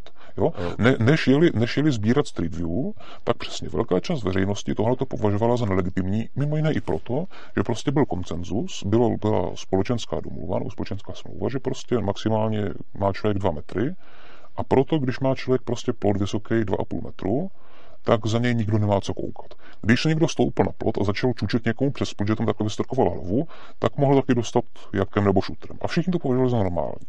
Najednou přišel Google a řekl, my chceme mít tady tyč, která bude v této výšce, vlastně šmíráka, který dřív byl sice ne nelegální ze strany státu, ale nelegitimní ze strany veškerého lidu a dostal by okamžitě přes ústa, tak my chceme vlastně takhle šmírovat úplně všechny.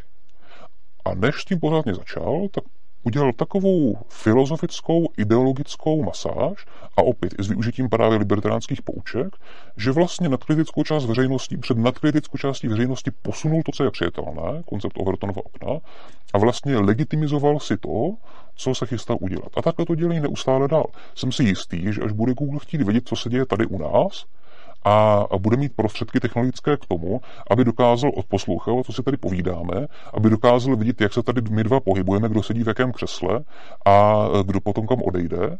A já třeba i jakou, má, jakou máme tepovou frekvenci, tak si opět najme filozofii a získá zpřátelené lidi na univerzitách a v neziskovkách a v libertánských stranách a udělá takovou masáž, že 8 z 10 bude přesvědčeno, že je to vlastně úplně v pořádku a nikdo proti no. tomu nemůže nic mít. A kdo já, proti tomu něco má, to je zlý člověk. Já se úplně nesnažím nějakým způsobem tady obhajovat Google, já spíš mluvím o tom, že máme nějaké technologie, ten technologický vývoj se posouvá a my si sice můžeme jako tisíckrát říct, jako jestli to je nebo není OK, ale prostě v momentě, kdy existuje technologie, která tohle to umí, tak se musíme smířit s tím, že to někdo bude dělat.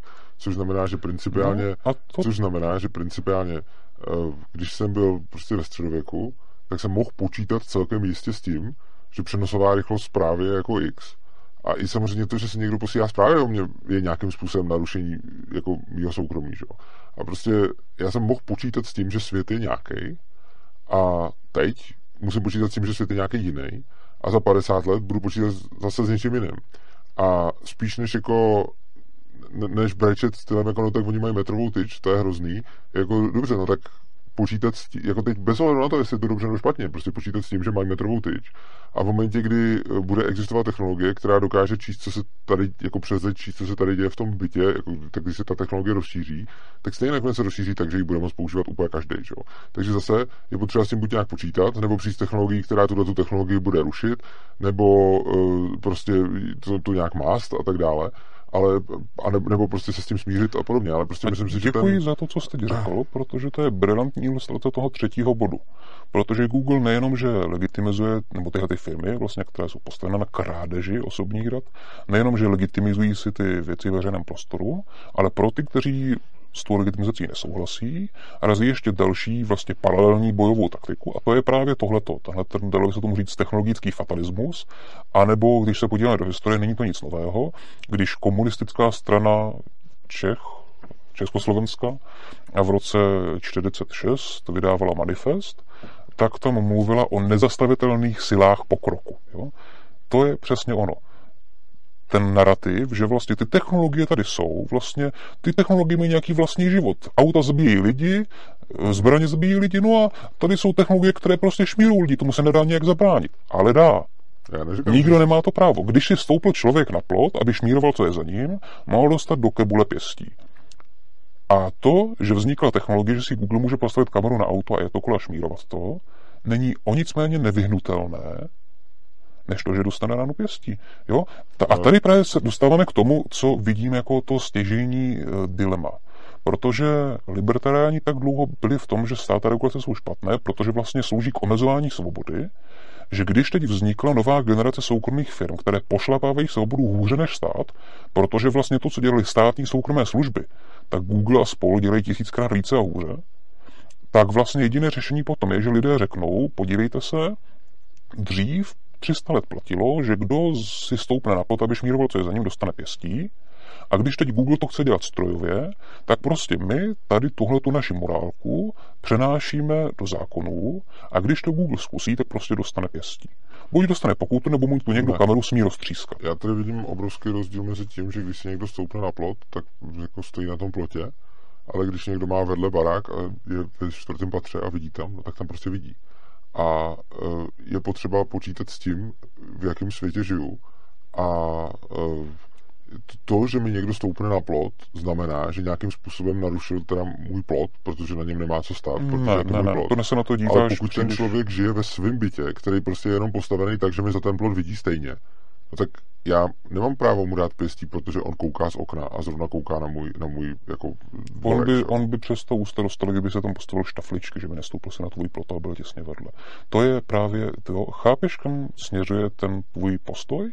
Ten směřuje k tomu, že jsme vlastně bezmocné loutky technologií no. a skončíme v úplné totalitě, protože už teď vyvíjí Facebook technologie, že vlastně magnetickou rezonancí bude číst myšlenky. To, co říkáš ty, je, vzdejme se, protože pokud, pokud se nenajde technologie schopná tomu vlastně pasivně, nedestruktivně vzdorovat, tak se takhle vzdejme, dělejme prostě, jo, obraťme se na zadu jako brouci, nechme se šmírovat, nechme se profilovat, nechme to se kádrovat, to neříkám, jako, to řeši, jako to, tahle ta situace má samozřejmě v nějakém normálně svobodném světě celou, celou řadu řešení, že jo? Například, kdyby ty ulice nebyly všechny vlastněny státem, ale kdyby ty ulice měly nějaký své rozumné vlastníky, eh, zejména třeba, když se prostě někdy postaví nějaká čtvrtě a podobně, tak ta ulice může patřit eh, těm lidem, co v ní bydlejí, tak ty prostě jednoduše můžou zakázat, aby tam jelo takový auto a čus a nemusí tam vůbec no. být dovoleno pořizovat jakýkoliv. To se zase dostáváme k takže prostě... kapitalismu a já ti na to dám jednoduchý mimo argument, abychom se z tohohle dostali. Když budou tohoto šmírování dělat ze smíru, což není problém, tak tam žádnou privatizaci nic nevyřešíš. No, nevyřešit, tak zaprvé jako šmírování z vesmíru má řadu jako komplikací, e, oblačnost a podobně. Hmm, na to už před 60 lety byly termokamery nebo infrakamery, které viděly skrz oblačnost. Jo, že no, ale ne, ne, nemáš, eh, jako, myslím, že ani teď, eh, kamera, kterou ti zaprvé vidí přes oblačnost a za druhé dokáže číst tak detailní data, který by si hm, jako potřeboval použít. Do, dokáže. To, si osobně to, to, že bylo, to, že bylo metrové rozlišení kamer, bylo řízení americké vlády. Dnes komerční kamery, veřejně schválené, mají rozlišení až 20 cm, jo, 50 ale... až 20, a ta technologie dokáže číst s rozlišením 3 až 5 cm reálně, to jsou odhady analytiků. Jo. No ale ne přece ta infrakamera, že jo? No infrakamera není termokamera, jo? tady se no, nebavíme o tom, že máš eh, snímač, ale o infrakameru, což znamená, že vlastně nekouká barevně v našem spektru, ale v, vlastně v infračerveném pásmu máš dvě taková, říká se tomu okna, kde vlastně ta absorbicita nebo absorbnost těch, eh, těch mraků není tak vysoká a dá se jakoby vidět, jo, vlastně na té vlnové délce jakoby ty mraky fakticky nebyly. Takže ty máš sice černobílý obraz, ale dokážeš nějakým způsobem vidět jakoby skrz mraky. OK, to si musím ještě, to, to, to, to si musím ještě dočíst, protože jsem si myslel, že ty, eh, jako viděl jsem o tom, o tom rozlišení a myslel jsem si, že to máš buď a nebo. Ne, není to eh, termo, tady se bavíme o filmových kamerách na vlastně infra citlivý film. OK, beru. Eh, každopádně prostě myslím si, že jako sledování z vesmíru je potom, sledování z vesmíru je potom zase záležitost jako toho, že když si tam někdo něco postaví, tak je to stejně jako když já koukám ze svého vysokého domu a prostě tak já musím počítat s tím, že jako někdo má ve vesmíru něco úplně stejně, jako můj soused má čtyřpatrový dům, s kterým může vidět na zahradu. Že? Jenže nemusíš, protože opět, když se na to podíváš, vlastně jak to fungovalo společensky, tak nemohl si jen tak postavit pětipatrový dům s tím, že teď budeš mírovat všechny sousedy. Prostě dřív ti to dovoloval buď nějaký rychtář, anebo potom byly zavedeny ty systémy vlastně ve veškerém civilizovaném světě, že než se někde někdo může něco postavit, tak musí získat svolení sousedů. A to svolení sousedů je tam právě k tomu, protože bylo společensky neakceptovatelné, aby ti někdo koukal najednou do kuchyně. Takže nikdo si nepostavil jen tak pětipatrový barák, aby ti mohl šmírovat, protože to mu prostě nebylo dovoleno. Já jsem nemluvil o tom, že by si postavil barák, aby mě mohl šmírovat, ale mluvil jsem o tom, že to, že mám dvoumetrový plot, mě prostě nemusí Jasně, negarantuje proti tomu sousedovi, no. že ten soused tam ten dům by si nepostavil, kdyby ty mu to nedovolil. A často tam bývají věci, jako že on nemůže mít okna například směrem k tobě, právě aby ti nemohl šmírovat. A tak ten dům jo? Všechny tyhle ty věci, No tak potom by to byla tvoje chyba, že bys tam přišel až potom. Ale tady se bavíme o tom, kdy někdo narušuje, nově narušuje status quo. Dobře, co Stál tady dům a někdo nově narušuje status. Jo? A já říkám, že vždycky tady byla regulace, která nějakým způsobem lidem chránila soukromí a to, co bylo považováno za nedotknutelné nebo nelegitimní narušení toho soukromí.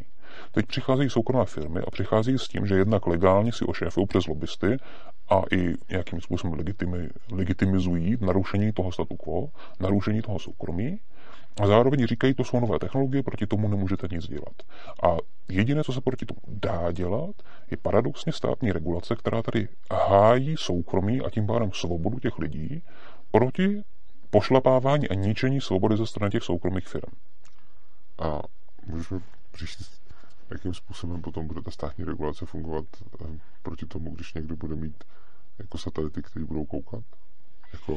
Tam funguje třeba stejně jako GDPR, že když prostě ty informace potom někde použije, tak dostane pokutu z obratu. Jo, tady se nebavíme o konkrétní podobě regulací, tady se bavíme o tom principu. A to je sice hezký, že já, jako já tvrdím, že principiálně ty regulace nebudou fungovat z principu. Jako, GDPR jako už z principu funguje. GDPR funguje tak, že to má jako Upřímně jsem ještě úplně neviděl, kdyby GDPR měl nějaký pozitivní efekt. Za to jsem viděl spoustu věcí, kdy měl GDPR negativní efekt. Navíc tam má výjimku pro státy, což znamená, že GDPR má samo ze sebe jako výjimku pro asi toho nejhoršího agresora, který ho tady máme. No, to je, to je právě to zásadní mílko, protože když se začneš do hloubky zabývat surveillance, tak zjistíš, že nejhorším agresorem dohledovým jsou dneska právě soukromé firmy. I proto, že to na ně outsourcovali ty státy. Jo? A to mimo jiné proto, že oni to opravdu jakoby demokratizovali. Jak jsme se bavili o těch represivních agenturách, tak ono, oni se snaží nějakým způsobem získat nějakou základní složku na každého, ale nikdy nemrhají eh, vlastně svýma kapacitama na to, aby šmírovali skutečně každého neustále do všech, do všech eh, náhledů. Z, z, zabírají se nějakými zájmovými osobami. Když ty soukromé firmy dělají ještě horší často šmírování než ty státní rozvědky proti úplně všem, úplně na všude na světě. Ať chtějí nebo nechtějí být jejich klienty. Protože oni to prodají každému. Pro ně každý zájmová osoba, no, jako se vším lepší je otázka, protože jsou, je to úplně jiný typ informací, no, které sbírají. Řekněme intruzivnější. OK, ale jako zase myslím si, že informace, které sbírají, jsou dost jiného typu než spoustu Ne, oni sbírají úplně všechno. Protože ne, ta, ten, ta logika dnes nemají. Jakože to, to, o čem mluvím, je, že ne, nejde podle mě úplně říct, že soukromí firmy jsou jako horší v tom než ty státy, protože ono potom jako třeba to, kdo má tvoji zdravotní dokumentaci, když se podíváš A Google to, má? Google. Google se nejdřív, eh, do, jo, oni, jejich moto firmní je třídit všechny informace na světě. Aby mohli třídit, musí je mít. Takže Google nejdřív se samozřejmě že chtěl dostat i zdravotní dokumentaci, protože to je obrovsky cené. Takže nejdřív udělali to, že podepsali smlouvu s jednou, jednou vlastně eh, univerzitní nemocnicí a že budou ukládat její data do cloudu. Slíbili, že to nebudou používat profilování, leč ukázalo se, že to není úplně tak pravda. Byl z toho trochu skandál, ale nic se nepodařilo úplně konkrétně Google dokázat, protože oni sice mohli technicky, ale ty logy měli oni a nedařilo se jim to prokázat. Potom Google založil nový produkt jménem Google Health nebo Google Healthcare a začal intenzivně lobovat za to, aby používali lékaři v rámci vlastně digitalizace amerického lékařství. A už to mají desetitisíce lékařů. To té školství. Teď při koroně se hodně jelo... Ty začal tím, že mají můj, můj zdravotní dokumentaci, já jsem přesvědčený, že nemají. To vojí možná ještě ne, ale intenzivně se snaží, aby měli. A skupují firmy, které ji mají. Jo? Ale jak říkám, jako nejde podle mě zatím tvrdit, že Google je větší jako prostě myslím si, že má informace jiného typu, než má stát. No ne, v Česku není horší, protože tady nemá no. takovou pozici, ale ve Spojených státech má patrně více informací než stát. K tomu se nechci, já jsem, ano, mluvil jsem o Čechách, eh, jak ve Spojených státech upřímně nevím, jo, takže prostě mluvil jsem, mluvil jsem o jako domácí scéně, je možný, že máš pravdu, že ve Spojených státech bude mít více informací Google než stát. Každopádně eh, to, co jsem říkal jako GDPR, prostě uh, proč věříš tomu, že zrovna GDPR jako bude fungovat nebo bude jako k něčemu dobrý, když to potom stejně funguje tím způsobem, že to dělá strašnou spoustu jako, strašnou spoustu jako problémů všude možně a následně to vypadá způsobem, že prostě mám kamaráda, který mu uh, někdo ukrad, uh, který mu někdo ukrad peněženku, uh, to bylo zachyceno na nějakou kameru průmyslovou obchodu, hmm. který tam byl, tak tam šel s tím, že se chce na ten záznam podívat. Oni mu řekli, že ne, protože GDPR, že mu to jako ukázali, ale že protože GDPR tak ne. Tak tam zavolali policajty, tam přišel policajt, pak se na to oba dva společně podívali s tím, s tím kamarádem, takže to nahrávku potom stejně viděl. A tohle to je nějakým způsobem to, jediné, jak jsem zatím viděl, a, a spousta podobných věcí, jak se jako GDPR potom v praxi projevuje. Ještě jsem úplně neviděl, kdyby GDPR jako způsobilo to, že by jako byl nějaký jako zásadní jako zásadní ochrana soukromí. Pokud o něčem takovém víš, tak budu rád, když mi to řekneš, protože neříkám, že to není. Jenom prostě mě to zrovna překvapuje, že, že zmiňuješ tohle, protože jsem viděl spoustu způsobů, kde to jenom prostě udělal víc práce navíc, ale neviděl jsem moc nic, kde by to zrovna třeba proti Google ochránilo lidi. Tohle to je ale právě ta, ta zásadní rozdíl daný tím, že nevíš, jakým způsobem fungují ty technologické firmy jako Google. Jo? Ten zásadní rozdíl je, že GDPR říká, když nedáš informovaný nevynucený souhlas, tak oni ten informace nesmí sbírat. A pokud ty budou sbírat, dostanou pokutu z obratu. To je tady nesmírně důležité, protože třeba za to, že Google hackoval v Německu ty Wi-Fi sítě, dostal pokutu. Ale dostal maximální možnou pokutu, kterou regulátor mohl uložit, a na tu pokutu si vydělal za 15 minut čistého provozního zisku jo, to nemá žádnou incentivu to nedělat. Prostě ty peníze, za které prodá ta ukradená data z těch wi sítí, mnohonásobně převýší tu ztrátu na té pokutě, takže samozřejmě to dělá dál. Když dostane 10% z toho obratu, už to najednou výhodné není. A vlastně můžeš vidět na obrovské množství stránek, že tam zase vyskakují takové ty bla, bla, bla, bla, bla. A když to odklikneš, tak zase tě šmíruje jako dřív. Ale když dáš to manage, tak najednou jsou odškrtnuté veškeré profilování a analytiky. Dřív tohle to vůbec nebylo možné. Prostě kamkoliv se přišel, tam to skládalo tvůj digitální profil. Ať chceš nebo nechceš. I když jsi nebyl klientem cokoliv. Jo? I přes cross-site scripting. Otázka je, co se děje, když to odškrtneš. Jo? to je samozřejmě relevantní. Ale jsou lidi, kteří kvůli GDPR tohle to testují a ty firmy potom už dostanou tu pokutu, takže každý se to velmi dobře rozmyslí. Jo? To je ještě fotky. Jako ty to vidíš z hlediska toho kamaráda, že on se nemohl podívat na videozáznam někoho, kdo mu kradl peněženku a je to jako prostě zdržení a oprus. Ale když Spíš potom on se na ní podívat mohl, když tam u toho stál ten policajt. No, ale to je, jo, tady to, to je právě potom jakoby kvalitativní rozdíl v tom, že s tím policajtem on vlastně prokázal, že tam nějaký legitimní zájem. Kdežto tady jsou lidi, kteří vlastně vytěžují všechny ty informace a prodávají je nebo zneužívají nějakým způsobem. A když si dřív mohli jen tak přijít a říct, mě tam někdo ukaz peněženku, ukažte mi všechny záznamy za 4 hodin. A potom si to mohl vzít a prostě udělat si, pustit se na to rozpoznání obličeje a vytvořit si, kdo kudy chodí. Teď už nemůžeš. On se na to chtěl podívat jako prostě fyzicky. Jasně, jo, ale ten princip je, že byly firmy, co tohle dělají. Je třeba firma, která se jmenuje Clearview AI, která nedělá nic jiného, že proskenovala všechny profily na Facebooku a LinkedInu, ukradla od tamtud veškeré fotky, vytvořila si z toho naprosto bezkonkurenční databázi pro rozpoznávání obličejů, protože měla že Počkej, otázka ukradla. Jako... Proti licenčním podmínkám ale Facebooku a LinkedInu. Prostě no. tam šli a ukradli to, protože se k tomu dostali na internetu. Jo, ale byly to fotky, které ty lidi tam zveřejnili, ne? Jako, který nebo tam, tam, nebo který, se fotkám, který tam někdo zveřejnil, ale ty licenční podmínky zakazují stahovat autostrojové fotky jo. Jo, a oni to porušili. Jo. Ale prostě, takže tím je prostě ukradli. Jo. A potom to začali prodávat vlastně supermarketům i policajtům, všem represivním složkám na rozpoznání obličejů. Supermarketům, aby profilovali lidi tam chodí, represivním složkám, aby třeba rozpoznávali lidi na demonstracích. A vlastně veškerý, veškerý obchodní model všech těchto těch firm není založen na ničem jiném než krádeži soukromých dat.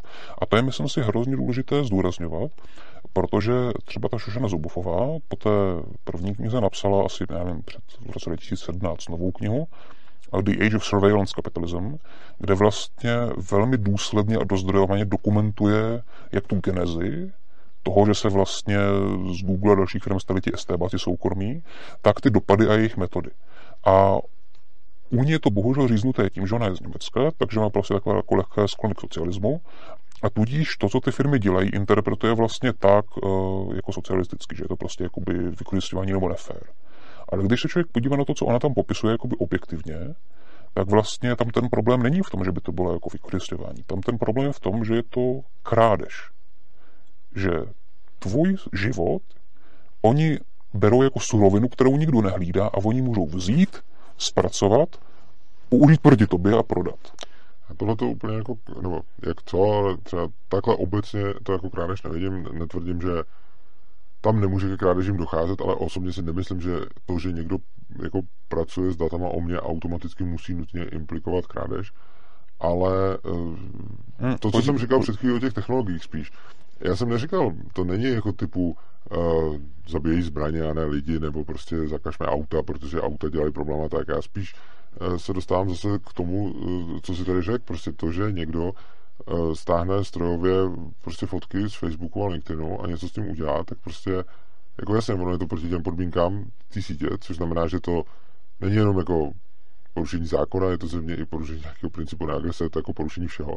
Na druhou stranu, jako ono co s tím, protože a, a to, tohle to není jako, to není jako, že bych to jako obhajoval. Já říkám, jo, je to špatně, ale prostě pokud není nějak technicky zajištěno, aby tohle to nešlo udělat, což je velice těžko, ale prostě když to není, tak, tak to prostě někdo udělá. A tady se i shodneme na tom, že tohle je špatně, protože je to jak asi protizákonný, tak je to mm, proti licenčním podmínkám těch firmy. Ty firmy odsoudili by to libertariáni, odsoudili by to socialisti, odsoudili by to úplně každý. Ale je, je, to stejný princip, jako když já půjdu a položím na náměstí prostě jako tisícovku se vzkazem, hele, tohle je moje a, a prosím, neberte mi to. Tak prostě, když odejdu a za chvíli tam přijdu, tak ona tam asi nebude. A jasně, že mi to někdo ukrad. A já jsem jako řekl, že to je moje. Ale není dobrý to dělat a není dobrý spolehat na to, že to někdo neukradne, bez ohledu na to, jestli mám nebo nemám právo to udělat. Jasně, ale pokud se už bavíme o překonávání nějakých překážek, ať je to koukání do zahrady přes plot nebo dronem, nebo potom ty extrémnější případy, jako to hackování, nebo to sledování osob uvnitř nemovitostí skrze ARF eh, vlastně rozsah fonových délek, tak to už je potom překonávání nějakých překážek. A to potom máš parametricky stejné, jako když prostě máš zkušeného kapsáře nebo jako prostě zloděje, který dokáže si poradit s jakýmkoliv zámkem. On ho nakonec odvrtá a ty nemáš způsob, jak mu v tom technicky zabránit. Jo? A potom jsou tady jako dvě, dvě věci. Jedna věc je, že prostě jsou tady nějací tihleti zloději a prostě náhodně někomu odvrtají zámek a vykradou mu byt. To je jedna věc. A teď si představ, že by tady byla nějaká firma, která by šla a odvrtala by zámek a vykradla by byt úplně všem v celé republice. Protože to je to, co je obchodním modelem Google a těchto těch firm, které jsou postavené na surveillance plošné. Oni jdou, překonají všechny obrany a ukradnou všechno všem. A potom jediné řešení je identifikovat, že tahle ta firma je prostě stejný jako obrovská mafie, která vykrádá domy všem v republice a tu firmu prostě úplně zlikvidovat. Problém je, že kdyby eh, se někdo pokusil eh, vyvrtat všechny ty zámky, eh, tak mu v tom bude zabráněno, protože ono je to problém to udělat. Oproti tomu stáhnout si všechny ty fotky z Facebooku a LinkedInu jako není takový problém a není to problém ani jako na, na to nepotřebuješ na, na to, aby se odvrtal všechny ty zámky v České republice, tak potřebuješ poměrně hodně zdrojů na to, abys to udělal. Proto jsem, proto jsem Stahování těch fotků, fotek principiálně, neříkám jako, že to je úplně takhle ale principiálně ti stačí jako jeden člověk, uh-huh. který Pro, Proto je jsem chytrej. teď nemluvil o tom stahování fotek, jo. ale o tom šmírování zahrádek dronama a ty ARF pronikání z dma. No jasně, ale obecně, obecně mluvím o tom, že teďkon je RF pronikání z dma a, a drony jako složitý, stejně tak jako stáhnutí všech fotek by v nějaké době bylo taky technologicky náročný. Akorát, že teďkon je stáhnutí fotek technologicky úplně easy a za nějakou dobu bude pravděpodobně dost easy i spousta dalších věcí. Hmm. A myslím si, že daleko lepší, než křičet, hej, to je špatně, a jako můžem to dělat, je počítat s tím, že se to děje a spíš se proti tomu bránit jak technologicky, tak nějakým způsobem jako modifikací svého chování. A, jak a tak ne, neříkej modifikací svého chování, protože to potom říkáš vlastně ekvivalent toho, že když v totalitě tě šmírujou kádru a převychovávají, tak ty modifikuješ své chování, abys neměl problém. No, ale to je úplně to samé. Ale ty stojíš židlí zády ke kameře a ty modifikuješ své chování, že? To je přesně, to je ono, že? A jakože když Jenže ne z donucení. Já jsem si vybral, no, že jsem o tom mluvím. Já ale ty si, ty si nevybereš, že tebe budou šmírovat ve tvém bytě, jo? No to si nevyberu, ale to, že modifikuju svoje chování, aby jim to nešlo, to si vyberu samozřejmě. Takže řadu, řadu těchto, to, těch, řadě těchto těch věcí prostě nezabráníš. Oni se tě neptají a pronikají no, tím. Jim třeba nezabráním, ale v momentě, kdy si něco nastuduju, tak tomu třeba zabráním a když se budu hodně snažit, tak jo. A potom je to na stejném principu, jako si na otočený židli ke kameře. Nikdy nezabráníš všemu a nezabráníš rozhodně tomu, co se děje mimo tvůj dům. Ale tak si to pojďme třeba ilustrovat, jo, protože uh, na té přednášce jsem říkal, že vlastně soukromí je nedílná a naprosto zásadní kritická součást svobody protože soukromí znamená rozhodovat o tom, jaké aspekty svého života budu s kým sdílet a informace jsou moc nad, nad tvým životem. K tomu bych měl ještě pořád jako rozlišoval bych na nějaký pozitivní a negativní právo na soukromí a uh, takhle. Jasně, že soukromí, jasně, že s tebou v principu souhlasím, že soukromí je součástí svobody, ale to ještě neznamená, že já si můžu říct, co všechno je soukromí a to automaticky soukromí bude mm-hmm. bez ohledu na to, jak se k tomu budu chovat. A proto je klíčové rozlišovat i to, jakou tady máme vlastně eh, to přirozené právo, ne ve smyslu ANCAP, ale ve smyslu toho, co lidé vnímají jako legitimní a nelegitimní. Jak jsem to právě ilustroval na tom příkladu s tím plotem. Protože tady klíčová, to je klíčová součást prostě toho, jak se vyvinula naše civilizace, jaké jsou vlastně hodnoty, jaká je naše kultura, protože kultura znamená psaná a nepsaná pravidla. A klíčovou součástí naší euroatlantické kultury je mimo jiné to, že je nelegitimní sledovat, kudy kdo chodí, to dělali že špiclové, detektivové a tajné služby a v každé demokracii tohle to bylo vnímáno jako zavržení hodné a tolerovatelné pouze proti těm nejhorším zločincům nebo cizím agentům, ale ne proti normální populaci, takže sledování špatné, to je jedno nepsané právo. Druhé bylo, že tady máme domovní svobodu, to znamená, nikdo nás nesmí lézt do bytu a nikdo nás nesmí špěhovat v našich bytech. Opět druhé zvykové právo, velmi podstatné. A ale, takovéhle věci jsou tady ale ty věci nemůžou být neodvislí od technologií. Protože když jsem ve středověku byl známý herec, tak jsem měl právo na soukromí, že když odjedu o půl světa dál, tak splynu s davem a nikdo mě tam nezná. Oproti tomu teď tohle stejný právo ne, na soukromí to prostě nemáš, nemám. To nemáš pravdu. Protože to nebylo, to nebylo žádné zvykové právo. Jo? Ni, ni, ni, nic neříkalo, ono jde o zvykové právo, to je to klíčové tady lidé vnímali jako nemorální a neospravedlnitelné, aby někdo za tebou šel a šmíroval tě. Pokud někdo za tebou prostě všude dolízel a šmíroval tě jako špicl, tak ty jsi měl morálně za to právo mu rozbít hubu a ani policajti by to neřešili, protože prostě on neměl právo tě sledovat. To se nedělá. Tečka, hotovo. To bylo tady zvykové právo. Nikdo neměl právo ti vlízt do bytu a, a zkoumat, co tam máš, to se prostě nedělá. Tečka. Ale to, že někam odjedeš a nikdo tě nepozná, to není, to není žádné zvykové právo, to se nedělá tě tam poznat. To je ne, ale je to, je to je míra soukromí, která je daná technologiema a jde o to, že někdy něco, eh, někdy prostě nějaký, nemusím nic dělat pro to, abych si ochránil soukromí v určitý technologické době, a v jiné technologické době je prakticky nemožný si ochránit soukromí stejným způsobem. Jenže proto je právě klíčové rozlišovat ten akt, ten skutek. Ta technologie není uh, fenomén sám o sobě. Ta technologie je nástroj pro někoho a ten někdo tím něco dělá. Jo? Může být krásně technologie dronu. A potom tady prostě rozlišujeme, jestli ten dron někdo používá k tomu, aby tě sledoval, a to se nedělá, a v tom případě za to tady někdo má zaplatit. A nebo jestli k tomu, aby já nevím, tím dronem si tamhle fotil fotku skály, což se dělá a nic proti ničemu. Rozlišujeme, jestli někdo eh, používá ten, ten eh, Wi-Fi mapování prostoru k tomu, aby prostě ve svém skladišti sledoval pohyb balíků, klidně může, versus jestli někdo tu samou technologii používá k tomu, aby v cizích bytech šmíroval cizí lidi. To je narušení domovní svobody, to se nedělá, zaplatí za to draze. Jo? A to je ten klíčový prvek, který ty technologické firmy se snaží obejít. Snaží se, to, snaží se debatu redukovat na technologii jako takovou, jako by technologie nějakým způsobem obecně implikovala, co se s ní musí dělat. Ale ta technologie je jenom nástroj. A proto je, a klíčové je rozlišovat to, k čemu ten nástroj je používán a jestli to, jakým způsobem a k čemu je ten nástroj používán, není porušení nebo překročení nějakých tabu, prostě co se nedělá, protože je to nesprávné, na kterých je naše civilizace postavená, těch našich hodnot. No, problém je potom v tom, že já, když mám prostě já mám nějaké svoje smysly a mám nějakou technologii k tomu, abych s těma smyslama, abych je mohl nějakým způsobem um, posílit. Ve smyslu, uh, můžu si třeba dát kameru do auta a nahrávat něco a vidím, co se potom stalo, i když jsem to třeba v danou chvíli nebyl schopen, nebyl schopen vyhodnotit. Uh-huh. A teď samozřejmě tím, že jezdím s kamerou v autě, tak zároveň jako zasahuju do soukromí těch všech lidí, těch všech lidí okolo, tím, že si z toho pořizuju ten záznam. Ale zároveň jako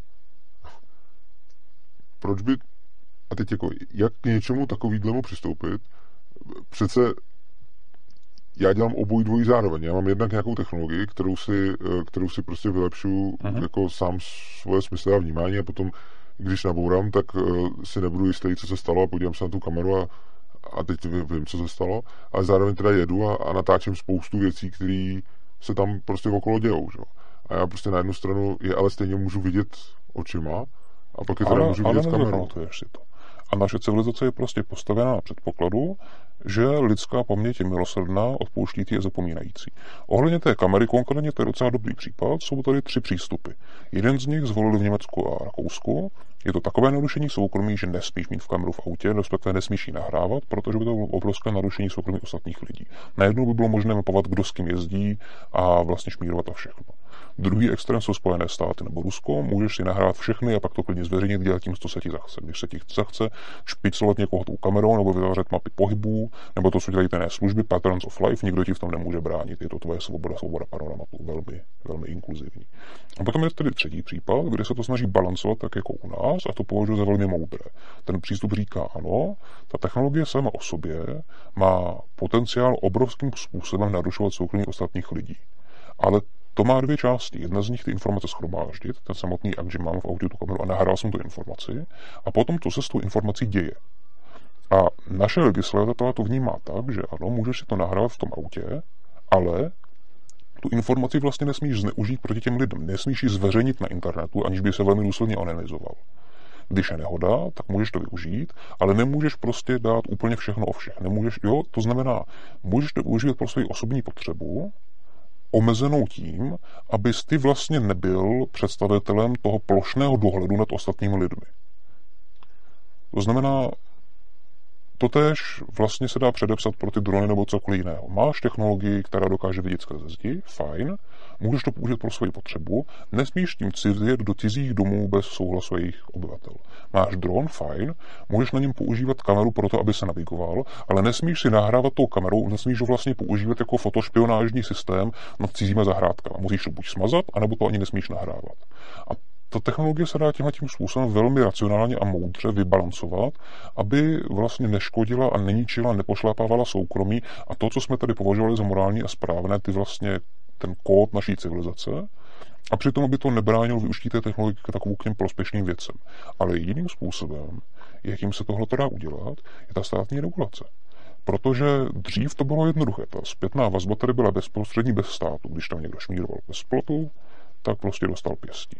Ale v okamžiku, kdy tady máš nadnárodní korporaci, tak eh, nefunguje nic jiného než ještě silnější klacek. Řekněme, že tady mám ANCAP, fajn, Google tamhle pošle dron a nasnímkuje mi zahradu a pak ten dron mi bude vyset za oknem a takhle wi šmírovat, co já dělám ve svém bytě. Tak vezmu brokovnice a rozstřílím dron. Super. A v zápětí přiletí letka stíhače od Google a vybombarduje mě celý barák do doby kamenné, protože oni tahají za silnější klacek, mají vlastní bezpečnostní agenturu. Jo. A ten nepoměr je i tady teď. Prostě, když někdo mě bude šmírovat fyzicky, tak mu rozbiju hubu. Nebo dneska ne, dneska na něj poštvu policii a ta si to s ním vyřídí, protože máme jaksi zpřísněný zákon, a už člověk nesmí brát právo do svých rukou. Ale dřív by mu rozbil hubu a všichni by to akceptovali. Ale když ten někdo bude prostě bouchač ze silné mafie nebo z nějaké detektivní agentury ze sousedního státu, tak s ním prostě nic neuděláš, protože on kašle na to, co je tady zvykové právo, kašle na to, co jsou naše pravidla, která my tady dodržujeme. On naše pravidla dodržovat nebude, pokud ho nedonutíš. Takže jde o to, jak tu korporaci, která z principu odmítá dodržovat naše pravidla, donutit, aby ta pravidla dodržovala. A tady jediný aspekt, jaký k tomu můžeš donutit, je stát. Protože ty nejsi jejich zákazník. Ona tě šmíruje, ale ne protože jsi jejich zákazník, ale protože ona chce speněžit tvůj život. A to mám, to mám trošičku jako výhradu z toho. Ne, já chápu, že to musíš mít výhradu z principu. Ne, to ale... mám výhradu z principu, to mám výhradu k tomu, že prostě vlastně říká, že jediný, jediný způsob, jak to řešit, je státní regulace, ale zjevně ne, protože se to tady pořád děje a protože ty státy jdou na ruku těm korporacím, což já tvrdím, že je princip. A vzhledem k tomu, že si sám řekl, že ty státy, uh, jako tady mi přijde úplně jako schizofrenní postoj, kdy ty na jednu stranu řekneš, uh, Dneska to funguje tak, že ty státy si od těch velkých korporací uh, kupují ty data, což znamená, že jim ušlapávají cestičku v zákonech, plus ještě jsme tady mluvili o tom, že tohle, co se týče tohle operátorů, tohle tak doména západní. tomu je státy, státy dokonce nutějí, aby, aby, aby šmírovali ty lidi a udržovali ty data, kdyby si proto policie potřeba přijít. Takže potom na jedné straně máš tohle, kdy máš státy, který vlastně jako kooperují s těma, s těma těma uh, korporacema a potom na druhou stranu říkáš, jako jediným řešením, jak to zastavit, je státní regulace. No jako možná v nějaký hodinový teorii, ale ono to v praxi není, ne, že? Ono to není schizofrení právě v praxi, protože stát nemůžeš vnímat jako nějaký homogenní celek. To, co jsem říkal, to platí pro anglosaské státy plus eh, azijské a tak protože tam máš vlastně v tom státě velmi silný vliv těch, jak jim říkají rusové siloviky, těch vlastně představitelů represivních složek, eh, tajných služeb a tak dále, kteří dokážou ten stát víceméně řídit kam chtějí. Amerika je posila bezpečností. V Evropě to takhle jednoduché nemáš, protože eh, ano, třeba operátoři mají tu data retention a ISPčka, ale my tady, tady absolutně neexistuje třeba plošná letecká surveillance, tak jako ve Spojených státech. Nikde v Evropě neexistuje žádný systém White Aerial Surveillance a nebyl by ani legální. A to a jsou v Europarlamentu... detaily, ty, ty, ty stejně jde o to, že jako můžeme se tady bavit o tom, kdo má nahoře drony, ale potom stejně lidi chodí s telefonama, operátoři znají jejich polohu a k té poloze má přístup stát. Takže to, jestli to někdo dělá dronem, nebo to někdo dělá telefonem, jako jasně, nějakým způsobem se to liší. Nechci, nechci jako úplně říkat, že no, to to samé. Liší se to zcela liší zásadním to, způsobem. Ano, to, protože já, buď máš, nebo máš nemáš to, možnost opt-outu. Ano. A to já, je naprosto esenciální. To je jako říct, že se, že, se, že, se, že se neliší koncentrák ne. nacistický a já nevím, uh, dovolena na Tahiti, protože tak jako tak nemůžeš odejít. Ne, ne, ne, ne. Já, já, já mluvím o tom, že stejně pro to, o čem mluvíme, drtivá většina lidí je sledována a ano, můžeš jako někde nechat telefon a podobně, ale stejně se můžeš nějakým způsobem maskovat proti tomu dronu, vys prostě někam zalezu a on mě prostě neuvidí, protože je nahoře a když jsem vevnitř, tak na mě nevidí. Jo. Takže prostě... No musel bys chodit tunelovou sítí a to je to, co skutečně dělají všichni, ale... kdo se proti tomu snaží bojovat. Ale nemáš takovou tunelovou síť. Nemusí mít tunelovou síť, ale on ten dron mě úplně ne, nerozliší mezi všema těma lidma a za to není potřeba. že budu... Ty právě, ale... to, je, to jsou ještě technologie, o kterých neznáš a proto máš velmi zkrátka zkreslený náhled na celou situaci. Jo. Ten parametrický rozdíl je, že když máš jeden dron, nebo vlastně nějaký normální dron, tak jak se to bralo, třeba ty vojenské, jako máš Predator, tak ten má v sobě kameru, která prostě hledí víceméně na jedno místo. Ale potom vzniklo to, čemu se říká Wide Area Air Surveillance, a to znamená, že splácáš dohromady tolik kamer s tak vysokým rozlišením, že ty vlastně máš s tím rozlišením 50 cm na pixel, nepřetržitě sledované celé území celého města.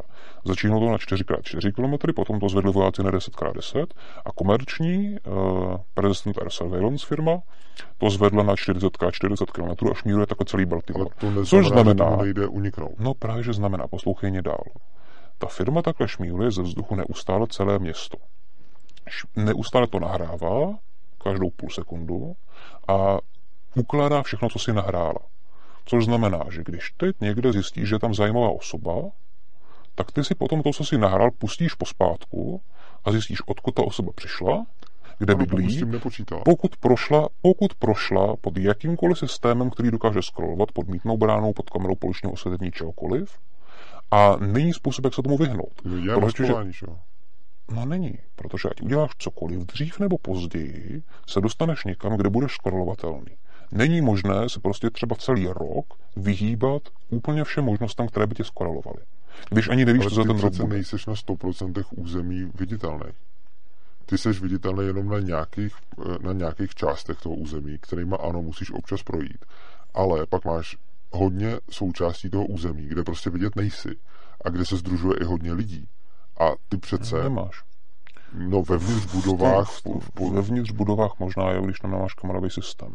No o tom mluvím, ale... Ale jo... Hm. No ty, ty se tomu, zase, když se, když se bavíme o tom, že se nebavíme o tom, že to, je, že to plošně funguje, bavíme se o jednom člověku, který uh-huh. tomu chce uniknout, tak může využít toho, že za prvý eh, může chodit různě maskovaný, může měnit svoji, může měnit svoji biometriku, může mizet do budov, ve kterých je, eh, ve kterých je jako celá spousta lidí a může mizet prostě do metra, může... Tam všude jsou všem kamerové systémy.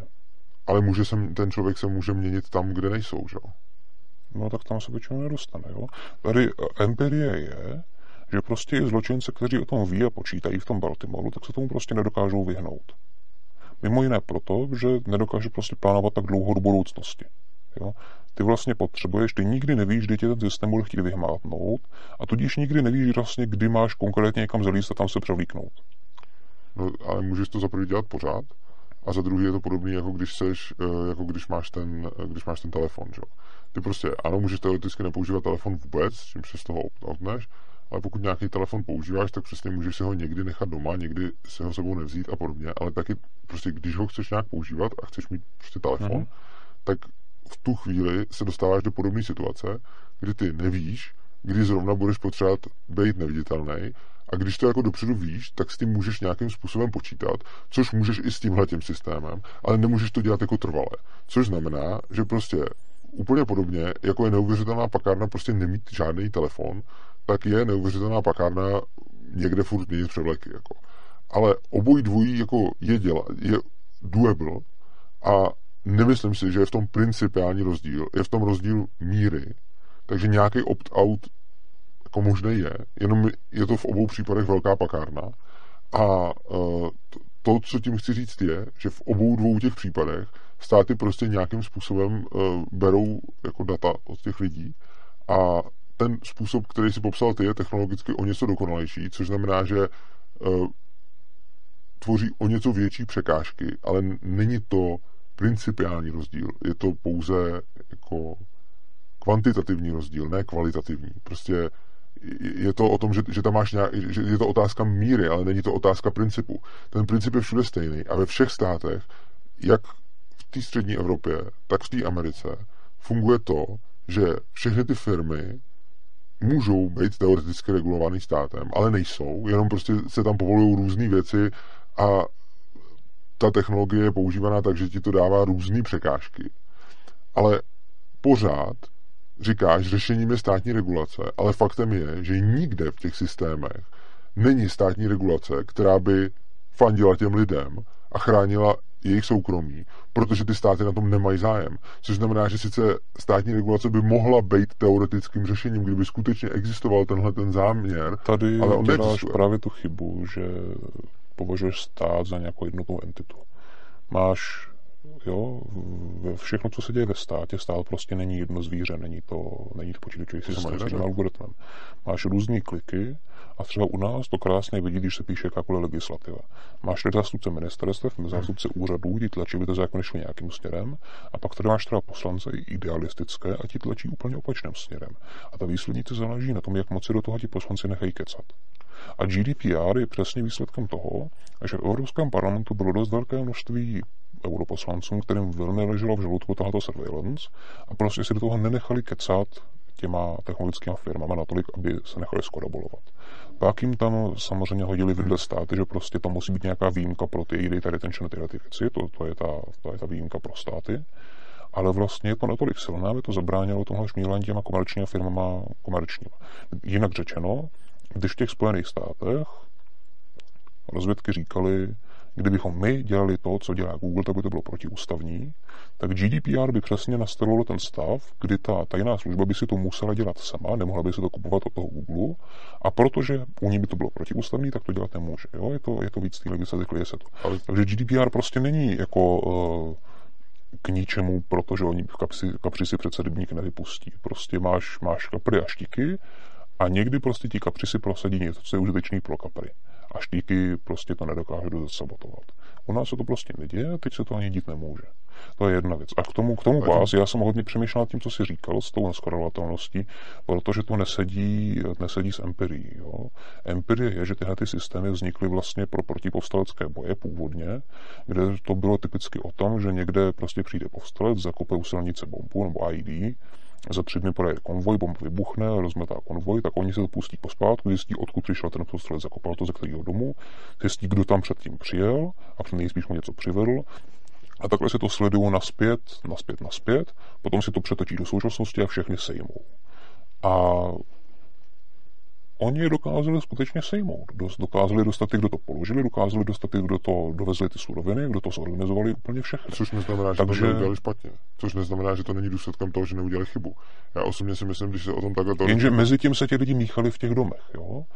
Takže nějakým způsobem očividně empirie ukazuje, že, to, že zalezeš do baráku a vylezeš jinak zamaskovaný, prostě není A tak oni třeba nevylezli jinak zamaskovaný, že Oni se míchali v těch domech, ale jako nevíme, že vylezli jinak zamaskovaný, nevíme, že přímo proti tomuhle tomu systému eh, se bránili. No ten, ten prvotní rozlišení 50 cm, takže tam vylezly prostě bílé fleky u kterých bylo podle stínu vidět, že je to postava, ale jo, rozlišil si muž, ženy od mužů, protože ženy měly na sobě černý hávět, tam muži bílej s čepičkou, ale muž byl bílej flek, že nebyl černý flek. U toho a tak v tom případě, to, ale tak v tom případě, protože, tak v tom případě ale uh, není možný, aby na základě tohohle, pokud to nebyla nějaká specifická situace, uh, je nějakým způsobem odhalili. Ono to, mohlo být, ono to mohlo být tak, že ty povstalci s tím prostě nepočítali s tímhle tím systémem. A když s tím systémem nepočítáš, tak ti potom budou stačit i bílé fleky, protože zejména, když ten člověk zaleze prostě k sobě domů třeba a tak podobně a pak jde tam, no tak to, to je docela easy. Ale uh, pokud s tím systémem počítáš, tak na úrovni bílých fleků jsem, jako to si troufám tvrdit, že je ta úloha algoritmicky prostě neřešitelná, pokud ten odpor proti tomu bude chytrej. Jo, protože uh, když si vezmeš, že rozlišíš jenom postavu a muže od ženy, tak muže od ženy to můžeme ignorovat, protože to, to byla ta první generace, ano, který říkám, že ale tak, ale tak předpokládám, že ta první generace a že to, o čem mluvíš a že tyhle ty empirické zkušenosti nejsou důsledkem toho, že uh, ten, kdo proti tomu bojuje, zná ten systém, zná jeho slabiny a podle toho se chová, ale pravděpodobně je to důsledkem toho, že ty povstalci asi ten systém neznali, nebo s ním nepočítali, nebo neznali jeho slabiny a potom tam třeba prostě přišel terorista, který prostě šel domů. No, a, jasně. No, ale, ale jak se dokážeš vyhnout tomu, aby si šel domů? Ale to je úplně stejný. No, no, mezi tím můžu projít i s dalšíma místy a pak jít domů, že jo? To je velký rozdíl. A je to úplně stejný, jako když by si tady měl člověka, který nepočítá s tím, že telefony jsou šmírovatelný a potom něco dělá, tak to, to je taky, tak z toho systému taky neexistuje. Opt, jakože ty si řekl, že ten, kval, že, že ten jako kvalitativní rozdíl je v existenci opt-outů, ale já si myslím, že si smíš, směšuješ dvě věci, jestli se bavíme o opt-outu s tím, že máš znalost toho, jak ten systém funguje, anebo o opt-outu bez znalosti toho systému. A já si myslím, že pro oba dva platí, že bez znalosti toho systému možnost opt-outu nemáš a se znalostí toho systému možnost opt-outu máš, byť je různě náročná.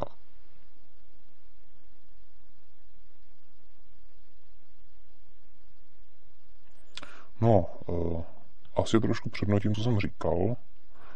A i v případě toho telefonu nemáš úplně opt-out, protože opt-out vlastně čistě za to by znamenalo ne, že se snažíš nějakým způsobem přechytračit ten systém, ale že prostě máš možnost nastavit, aby se z něj odhlásil. Tak to s tím telefonem taky nejde, jako. No, můžeš se odhlásit, že nebudeš mít telefon. Nebudeš mít telefon, ale, ale úplně stejně tak se můžeš převlíkat, jo? No, pozor, to je, ne, nemít telefon je negativní rozhodnutí. Jo, okay, Převlíkat se znamená, musíš aktivně jo. Okay, okay. No, je tam teda nějaký rozdíl, ale, ale v praxi bych řekl, že, že není tak zásadní. Poměrně, poměrně signifikantní, jako nemůžeš nechodit ven, že? Můžeš. No. Jako můžeš nechodit, jako můžeš nechodit ven a můžeš nemít, jakože souhlasím, že existuje, že je rozdíl mezi tím nemít telefon a mezi tím vykonávat nějaký akce a nevykonávat nějaké akce, tam jako souhlasím, ale myslím si, že principiálně ten opt-out z těch systémů, z těch systémů jako existuje na, na úrovni přechytračení a nebo existuje na úrovni toho, že si zkomplikuju život. Hmm. Čili, čili Ale tomu... u toho přechytračení dřív nebo později prostě přijde stav, kdy ty ho přechytračit nedokážeš. Spíš Buď proto, že bude taková... No ne, protože jo, uvědomuji si, že proti tobě hraje tým velmi chytrých lidí, kteří nemají nic jiného na práci, než snažit se, abys je nepřechytračil. A tak to a telefonem. jim se neustále rozšiřují ty možnosti a tudíž oni můžou dělat sensor fusion. Prostě když zjistí, že jim lidi chodí do budov a tam se míchají, no tak prostě ve všech těch budovách instalují kamery. Ale, a už to nepřechytračíš. Ano, ale pořád se dostáváme k, jako, k tomuhle tomu jsme se dostali k tomuhle tomu, jako, ale to i s tím telefonem můžeš udělat, takže to nepřechytračíš, jo. Prostě, no ne, když telefon necháš doma, tak prostě ho nevíš. Ale tak pokud už bereš to, že se můžou dát všude kamery, tak i může být zákon, že musíš mít telefon, jo. Jako.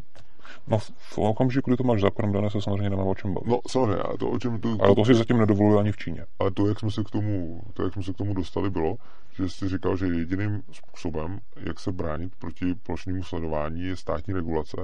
A já na to říkám, že je to opět jako teoretický způsob, na principu, když budeme mít hodný stát, tak půjde něco.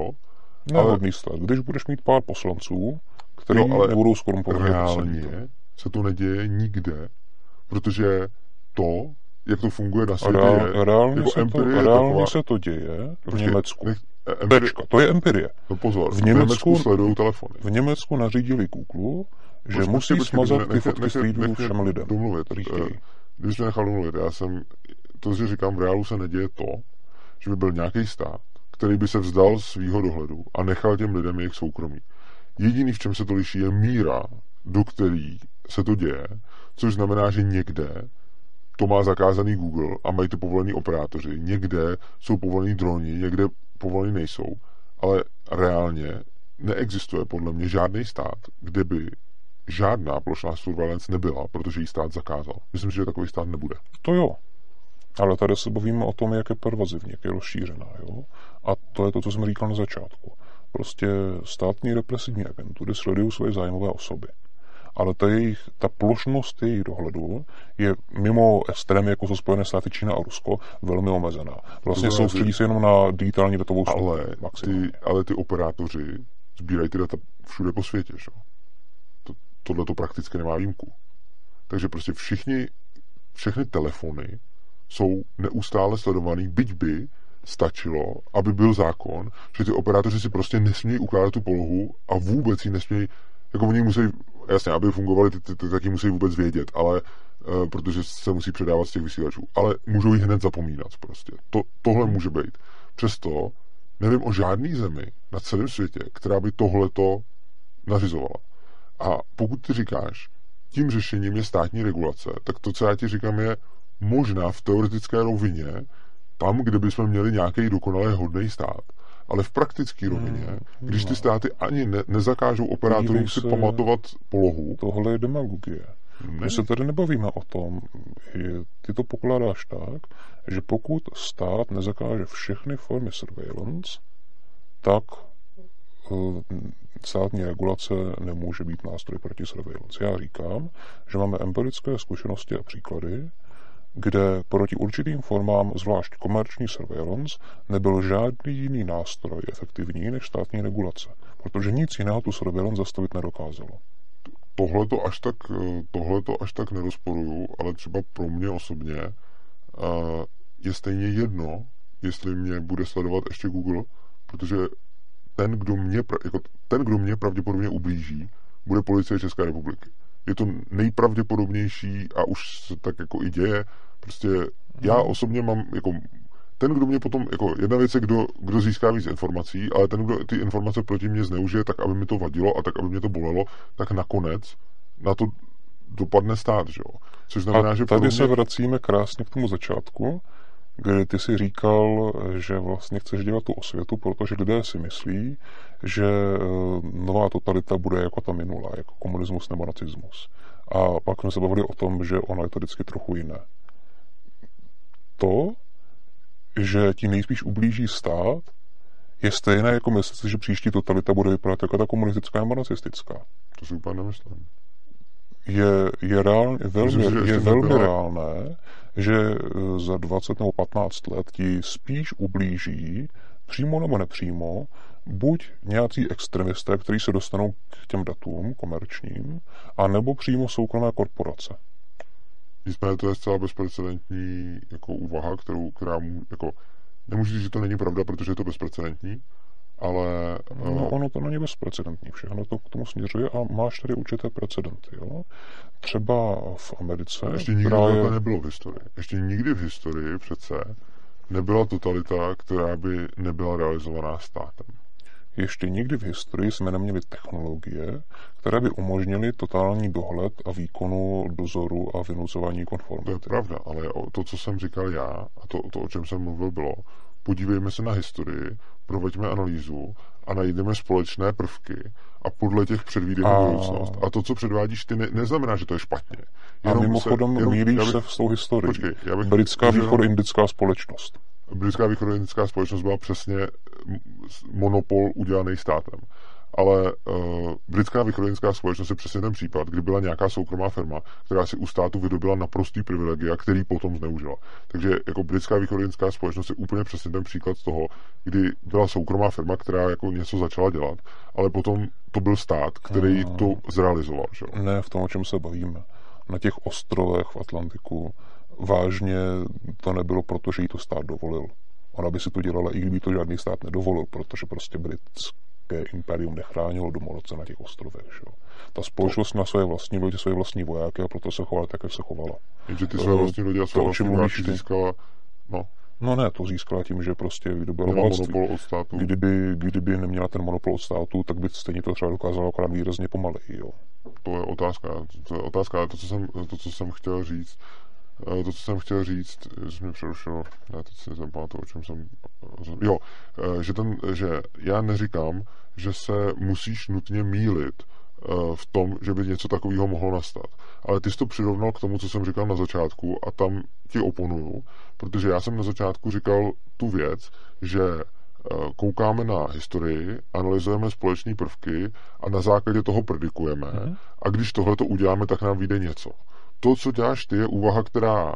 Právě, jako, že ne. Také vychází z té historie, protože tu historii už tady máme. Ale není to tak, že se koukáš na společný, společný prvky těch minulých totalit a predikuješ tu další. Ty spíš se koukáš na společný prvky minulých totalit, k ním přidáš nějaký svoje pozorování, prostě, který je asi nějakým způsobem legitimní, ale ne, není to ten princip, o kterém jsem mluvil já. Je, je, to jiný, ne, když je to v tom, že ty tam přidáváš ty tam přidáváš nový prvek, o kterém očekáváš, že bude relevantní. Já, ne, já ti netvrdím, no, že to, to není, to není přidání prvku, to je právě pozorování kvalitativně stejné. Jo? Komunisti měli kádrové profily. Google a Tencent mají behaviorální profily. V principu je to úplně to samé. Hodnocení toho, jaký je tvůj životní vzorec a jestli je to morálně nebo nemorálně správně. Já o tom, kdo mi nakonec, eh, kdo mi nakonec bude no, ublížit. A... a tady, se o to, tady ale o tom se bavíme protože už jsou případy, kdy tohle to ubližuje.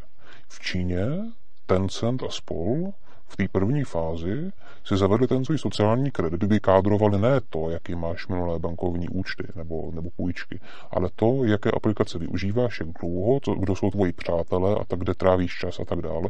Tohle to využívali k tomu, aby kádrovali lidi nejenom k tomu, jestli mají dostat půjčku, to můžeš jako anarchokapitalista říct, že prostě to neměli nárok, ale i k tomu, aby vydávali doporučení jiným firmám a lidem, kteří se na to dotazovali, něco jako reputační databáze, jestli s člověkem tímhletím mají nebo nemají uzavřít smlouvu. Jo? Takže tím vlastně už vlastně udělali z lidí stejný paráji, jako když minulý režim posílal prostě nepohodlné lidi do kotelen.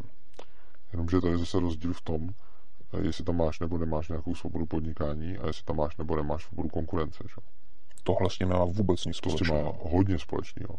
To s tím má hodně společného v tom, že tam, kde tu svobodu máš, tak ti, kdo jsou nepohodlní, mají nějakou šanci a můžou něco dělat a jenom přijdou o, řekněme, pohodlí nebo část možností ne. a zase to záleží. E, jestli ti jde o to, že nej, e, o existenci firm, které by ignorovaly tenhle ten scoring systém, ano.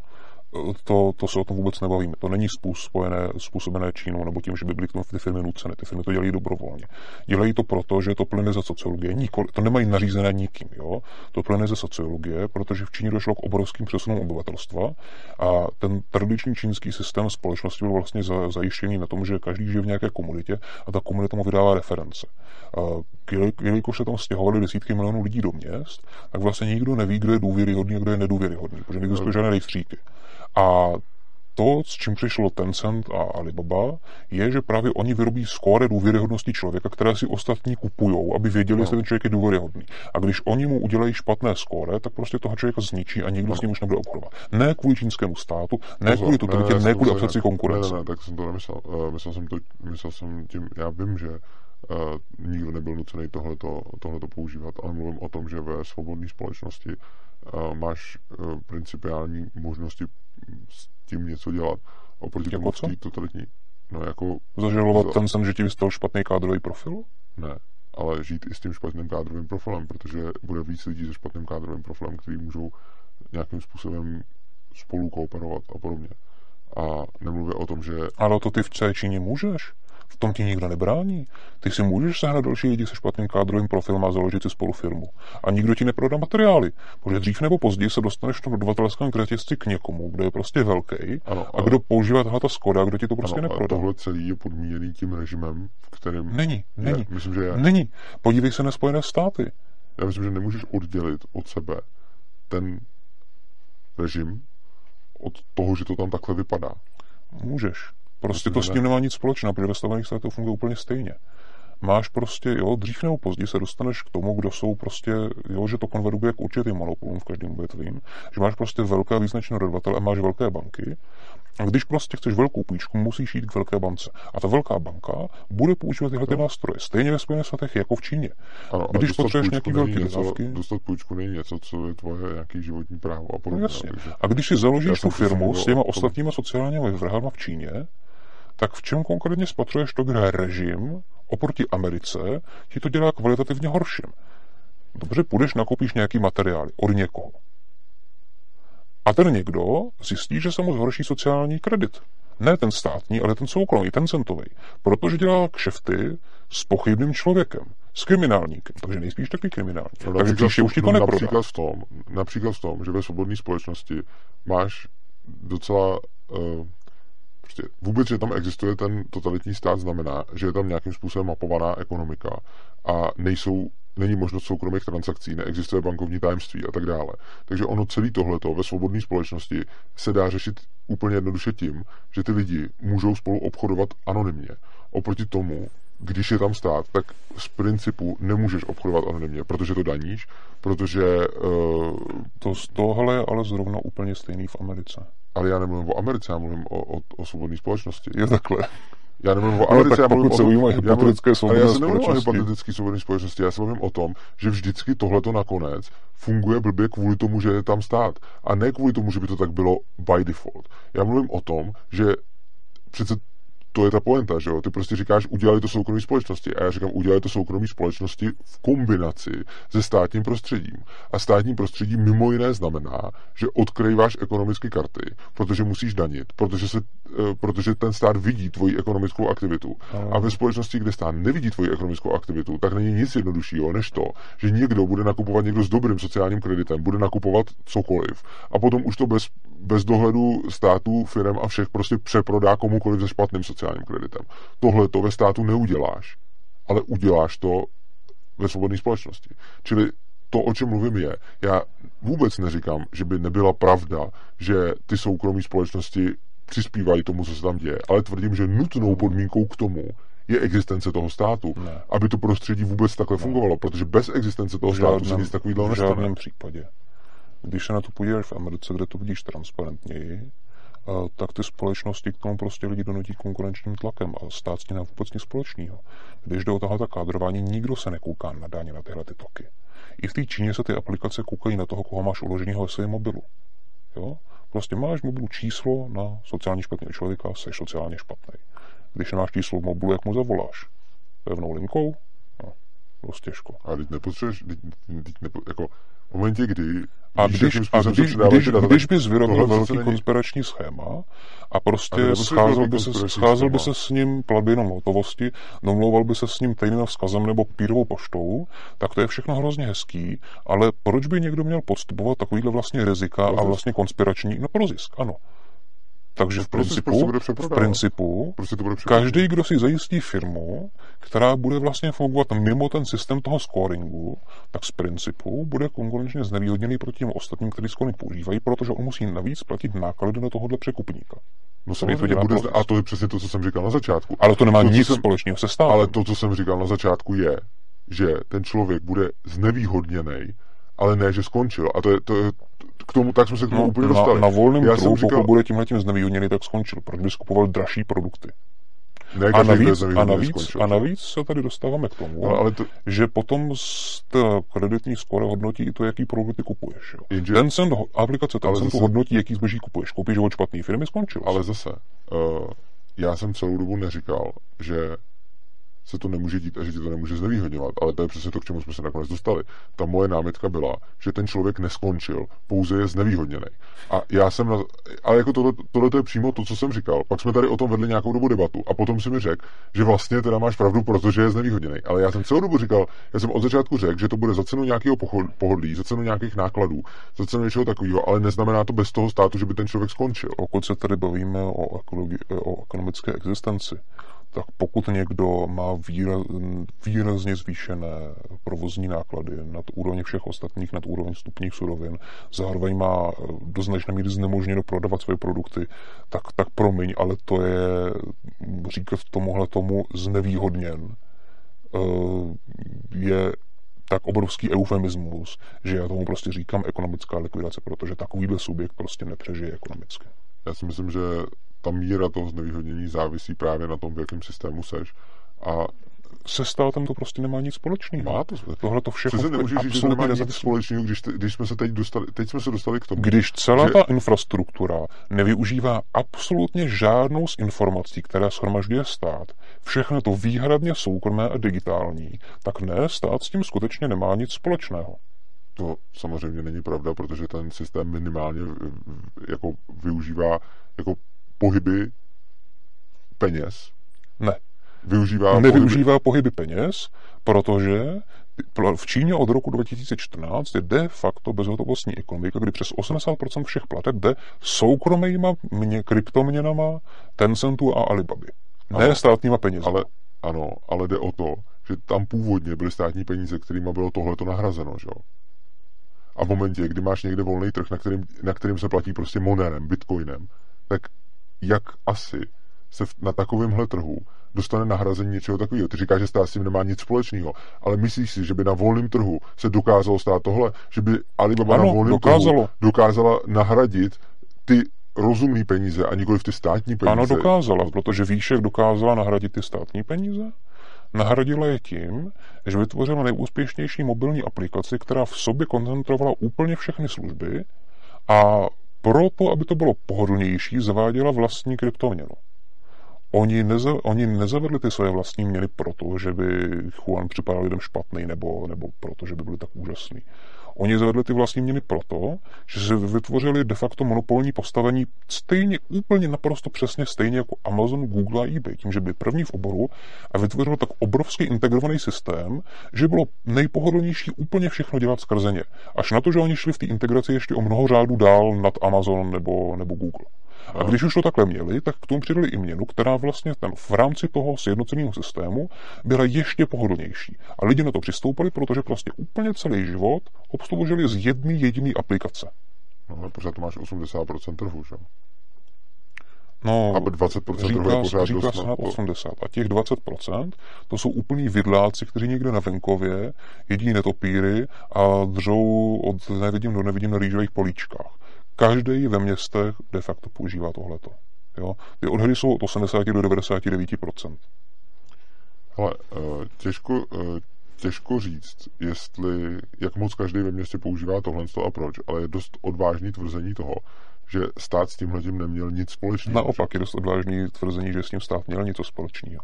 Stejný ekonomický to je, zákonitosti jako, to je jako tvrdit, všichni těhle. To je jako tvrdit, že jako tvrdit, že s tím stát neměl nic společného je, jako tvrdit, že stát nemá nic společného s nějakou zásadní ekonomickou změnou ve společnosti. A že to, jestli se hraje s otevřenýma kartama nebo se skrytýma kartama, a že to, jaká je ta měna, a že to, jaký Dobře.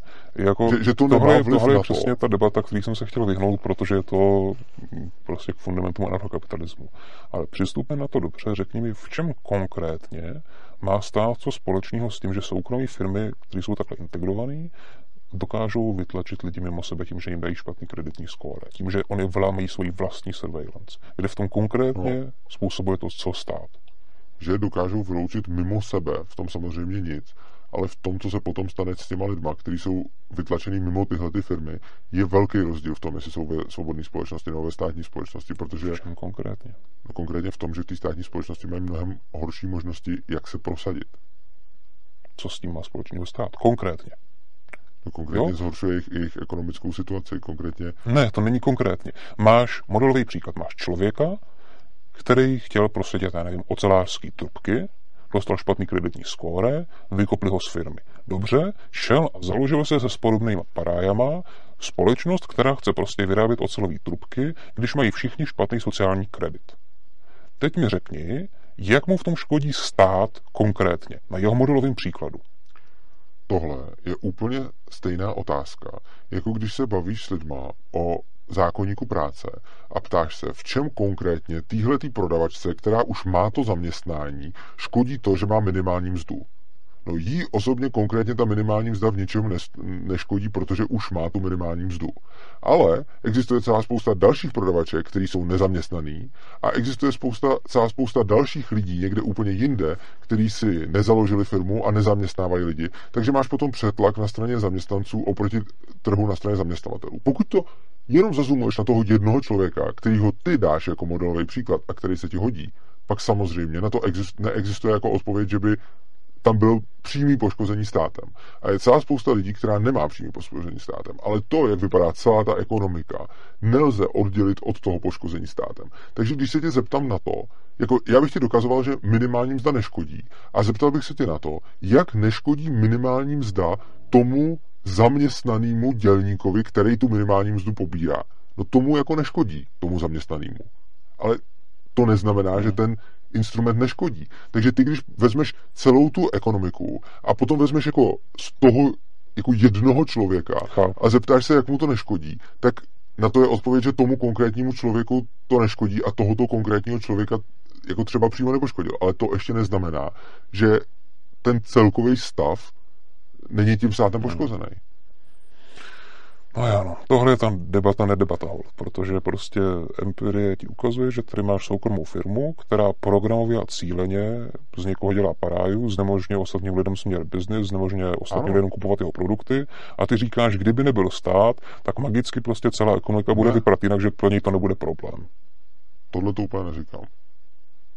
Jako, říkám, že to celé se děje v prostředí státu a že No ano, protože jelikož nikde není prostředí bez státu, tak ano. nevíš, jak se to děje bez toho prostředí ano. bez státu. Ale dělají to soukromé firmy bez jakýkoliv interakce se státem a bez jakého spolehání se na cokoliv, co stát dělá. Jedinou roli, kterou v tom stát má, je abstraktní role toho, jaká je struktura ekonomiky. No ale to není abstraktní role. Jako to, jaká je struktura ekonomiky, je dost zásadní. Například pro, celý, pro, pro celou tuhletu aplikaci je dost zásadní to, jaká, jaký se používají peníze. Není. Jak to? Protože se tam nepoužívají státní peníze, ale soukromí. Jemu nikdo nebrání, nebrání dělat ty kšefty s bitcoinem nebo monerem. No, ale jde o to, že předtím se tam používaly státní peníze. A jakou to má relevanci? Kdo chtěl, tak si používal bitcoin nebo moneru nebo zlato nebo cokoliv chtěl, mohli platit kroflíkama. Což ale neznamená, jako tohle to přece neznamená, že bez toho by se tohle stalo stejně s tímhletím argumentem můžeš říct, že i kdyby tady za 100 let byl nestát, ano. tak stejně za všechno negativní, to se děje, může stát, protože předtím se tady platilo státními penězi. Předtím. Dobře, tak jinak.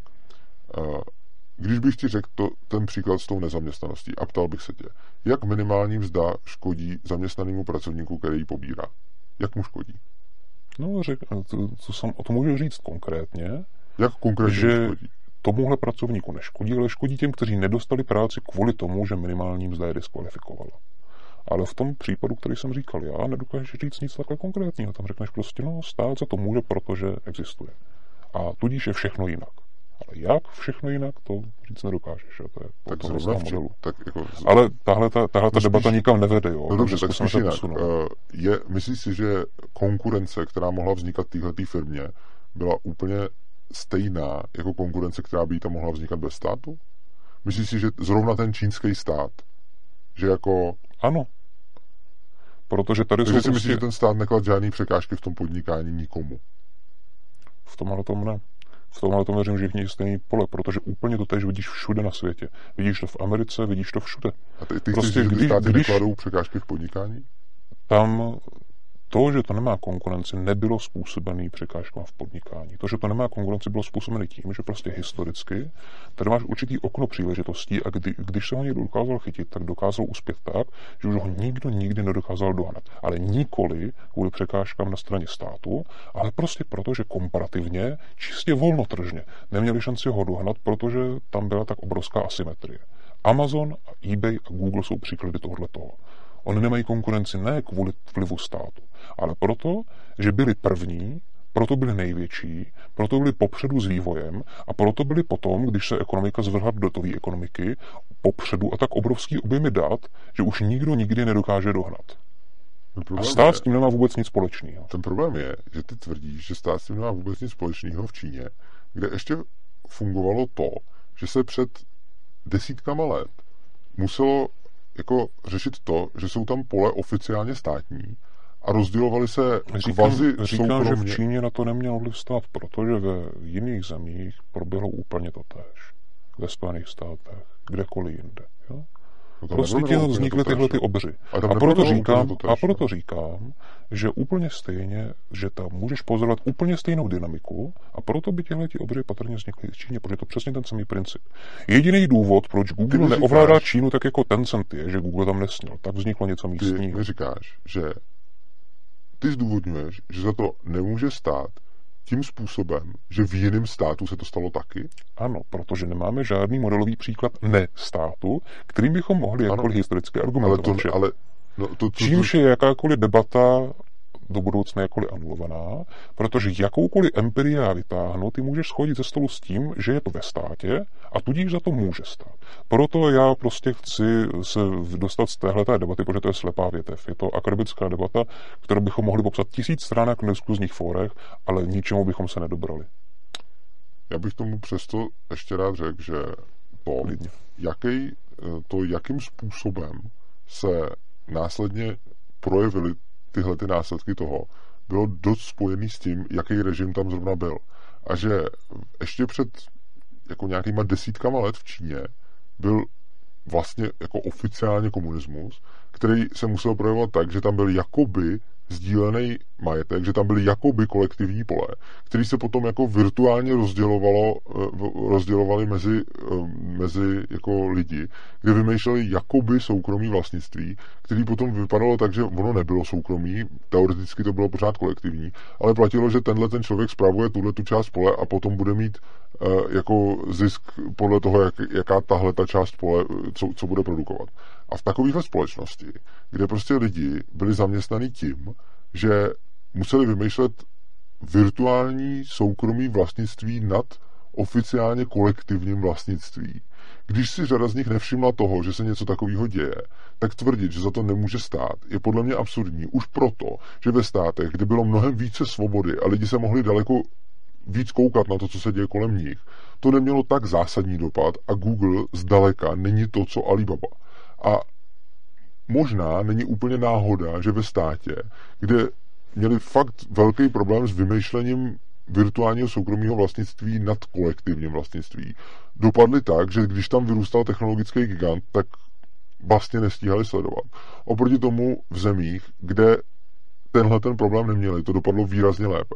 Může to být samozřejmě náhoda, na druhou stranu nemusí být. To není náhoda, to je daný ničím jiným, jak jsem říkal. Ve Spojených státech máš úplně přesně ty samé scoringové systémy, až na to, že jejich zákazníci není všeobecná populace, ale pojišťovny a banky a tyhle ty ústavy. Protože tam je zavedený jiný reputační systém. Jinými slovy, není tam poptávka po tom, aby si zjistil, jaký má skóre důvěryhodnosti někdo, s kým chceš dělat biznis protože tohle je prostě na západě řešené, protože tam další tradice, máš tam nějaké notáře nebo takhle. Jo? A jedi, to je jediný důvod, proč se scoring, který na západě existuje a funguje naprosto úplně stejně totožně, a v Americe i se stejnými likvidačními následky, nerozšířil tak široce jako v Číně. Zatím. Ale Google otevřeně říká, že má ambici, aby se tohle změnilo, aby přesně takhle to fungovalo, že bude celá společnost celá transparentní a tudíž nikdo nebude nic dělat špatného, protože každý bude skórován a tím se budou řídit životy všech. To říká Larry Page. Dobře, a co tím, jako co, co z toho má pln, jako, že, neříkám, že, že, že, ten scoringový systém vznikl stejně v Číně jako ve Spojených státech, akorát ve Spojených státech je méně vidět. Protože se používá jo. No, jak to vezmeš? Jo, že, že nedostaneš kredit u banky, fajn, že tě zdravotní pojišťovna odmítne vyslovně pojistit, protože jí Big Data model řekne, že patrně bys mohl dostat nemoc, kterou by musela vyplatit a tudíž tě raději preventivně nepojistí a chcípni si, to už je méně příjemný. Ale chápu, že jako z hlediska libertariánství ani jedno není nárokový. No a co bys s tím teda jako dělal? Já jenom říkám, že ten scoring tam funguje a má velmi vážné dopady na život. A to, já jsem nikdy neřekl, že ne. Jako. Hm. Ale pojďme se posunout no. další otázce. Uf, já si nemám další otázku, jako bychom řešili ten, ten surveillance a já nevím, jestli máš k tomu ještě něco, jestli máš něco? Asi ne, myslím, že jsme probrali všechno. Okay. Akorát škoda, že jsme skončili takovou libertariánskou hádanicí, no. Jo. Tomu jsem se chtěl vyhnout. OK, no. Tak eh, v tom případě, v tom případě je to, je to teda asi celý. A já ti děkuji za účast, děkuji ti za uh, vlastně hodně informačně nabitý, nabitý příspěvek, protože tohle, o čem jsem mluvil, je podle mě strašně důležitý, aby lidi slyšeli a aby o tom přemýšleli. Díky za příspěvek do konference a zároveň se teda nějak domluvíme na tom, že bychom nahrál eh, povídání k těm slajdům a já ho mhm. zveřejním jako, jako, vlastně, jako vlastně pokračování toho, toho všeho. Takže uvidíme, uvidíme, jak nám to vyjde. Vám, vážení diváci, děkuji za pozornost. Doufám, že se vám naše diskuze líbila. Byl bych moc rád, když byste ji šířili dál, protože si myslím, že tohle to jsou, tohleto jsou hrozby, o kterých by lidi asi měli vědět, ačkoliv, ačkoliv často jsou podceňovány nebo je o nich mluveno z jiné perspektivy. Pokud se vám náš pořád líbil, můžete ho ocenit e, dole pod videem, najdete e, bankovní spojení na nás a bitcoinovou adresu. A pokud se vám líbí celkově tvorba svobodného přístavu, tak jsme úplně nezisková organizace, která nepobírá peníze od států, ani od Evropské unie, ani, ani od nikoho takového, takže jsme zcela závislí na vašich příspěvcích a pokud chcete podpořit to, co děláme pravidelně, tak se podívejte na adresu opristavu.urza.cz, kde najdete způsoby, jak nás podporovat eh, měsíčně. Takže já vám moc děkuju, mějte se krásně a uživejte si života.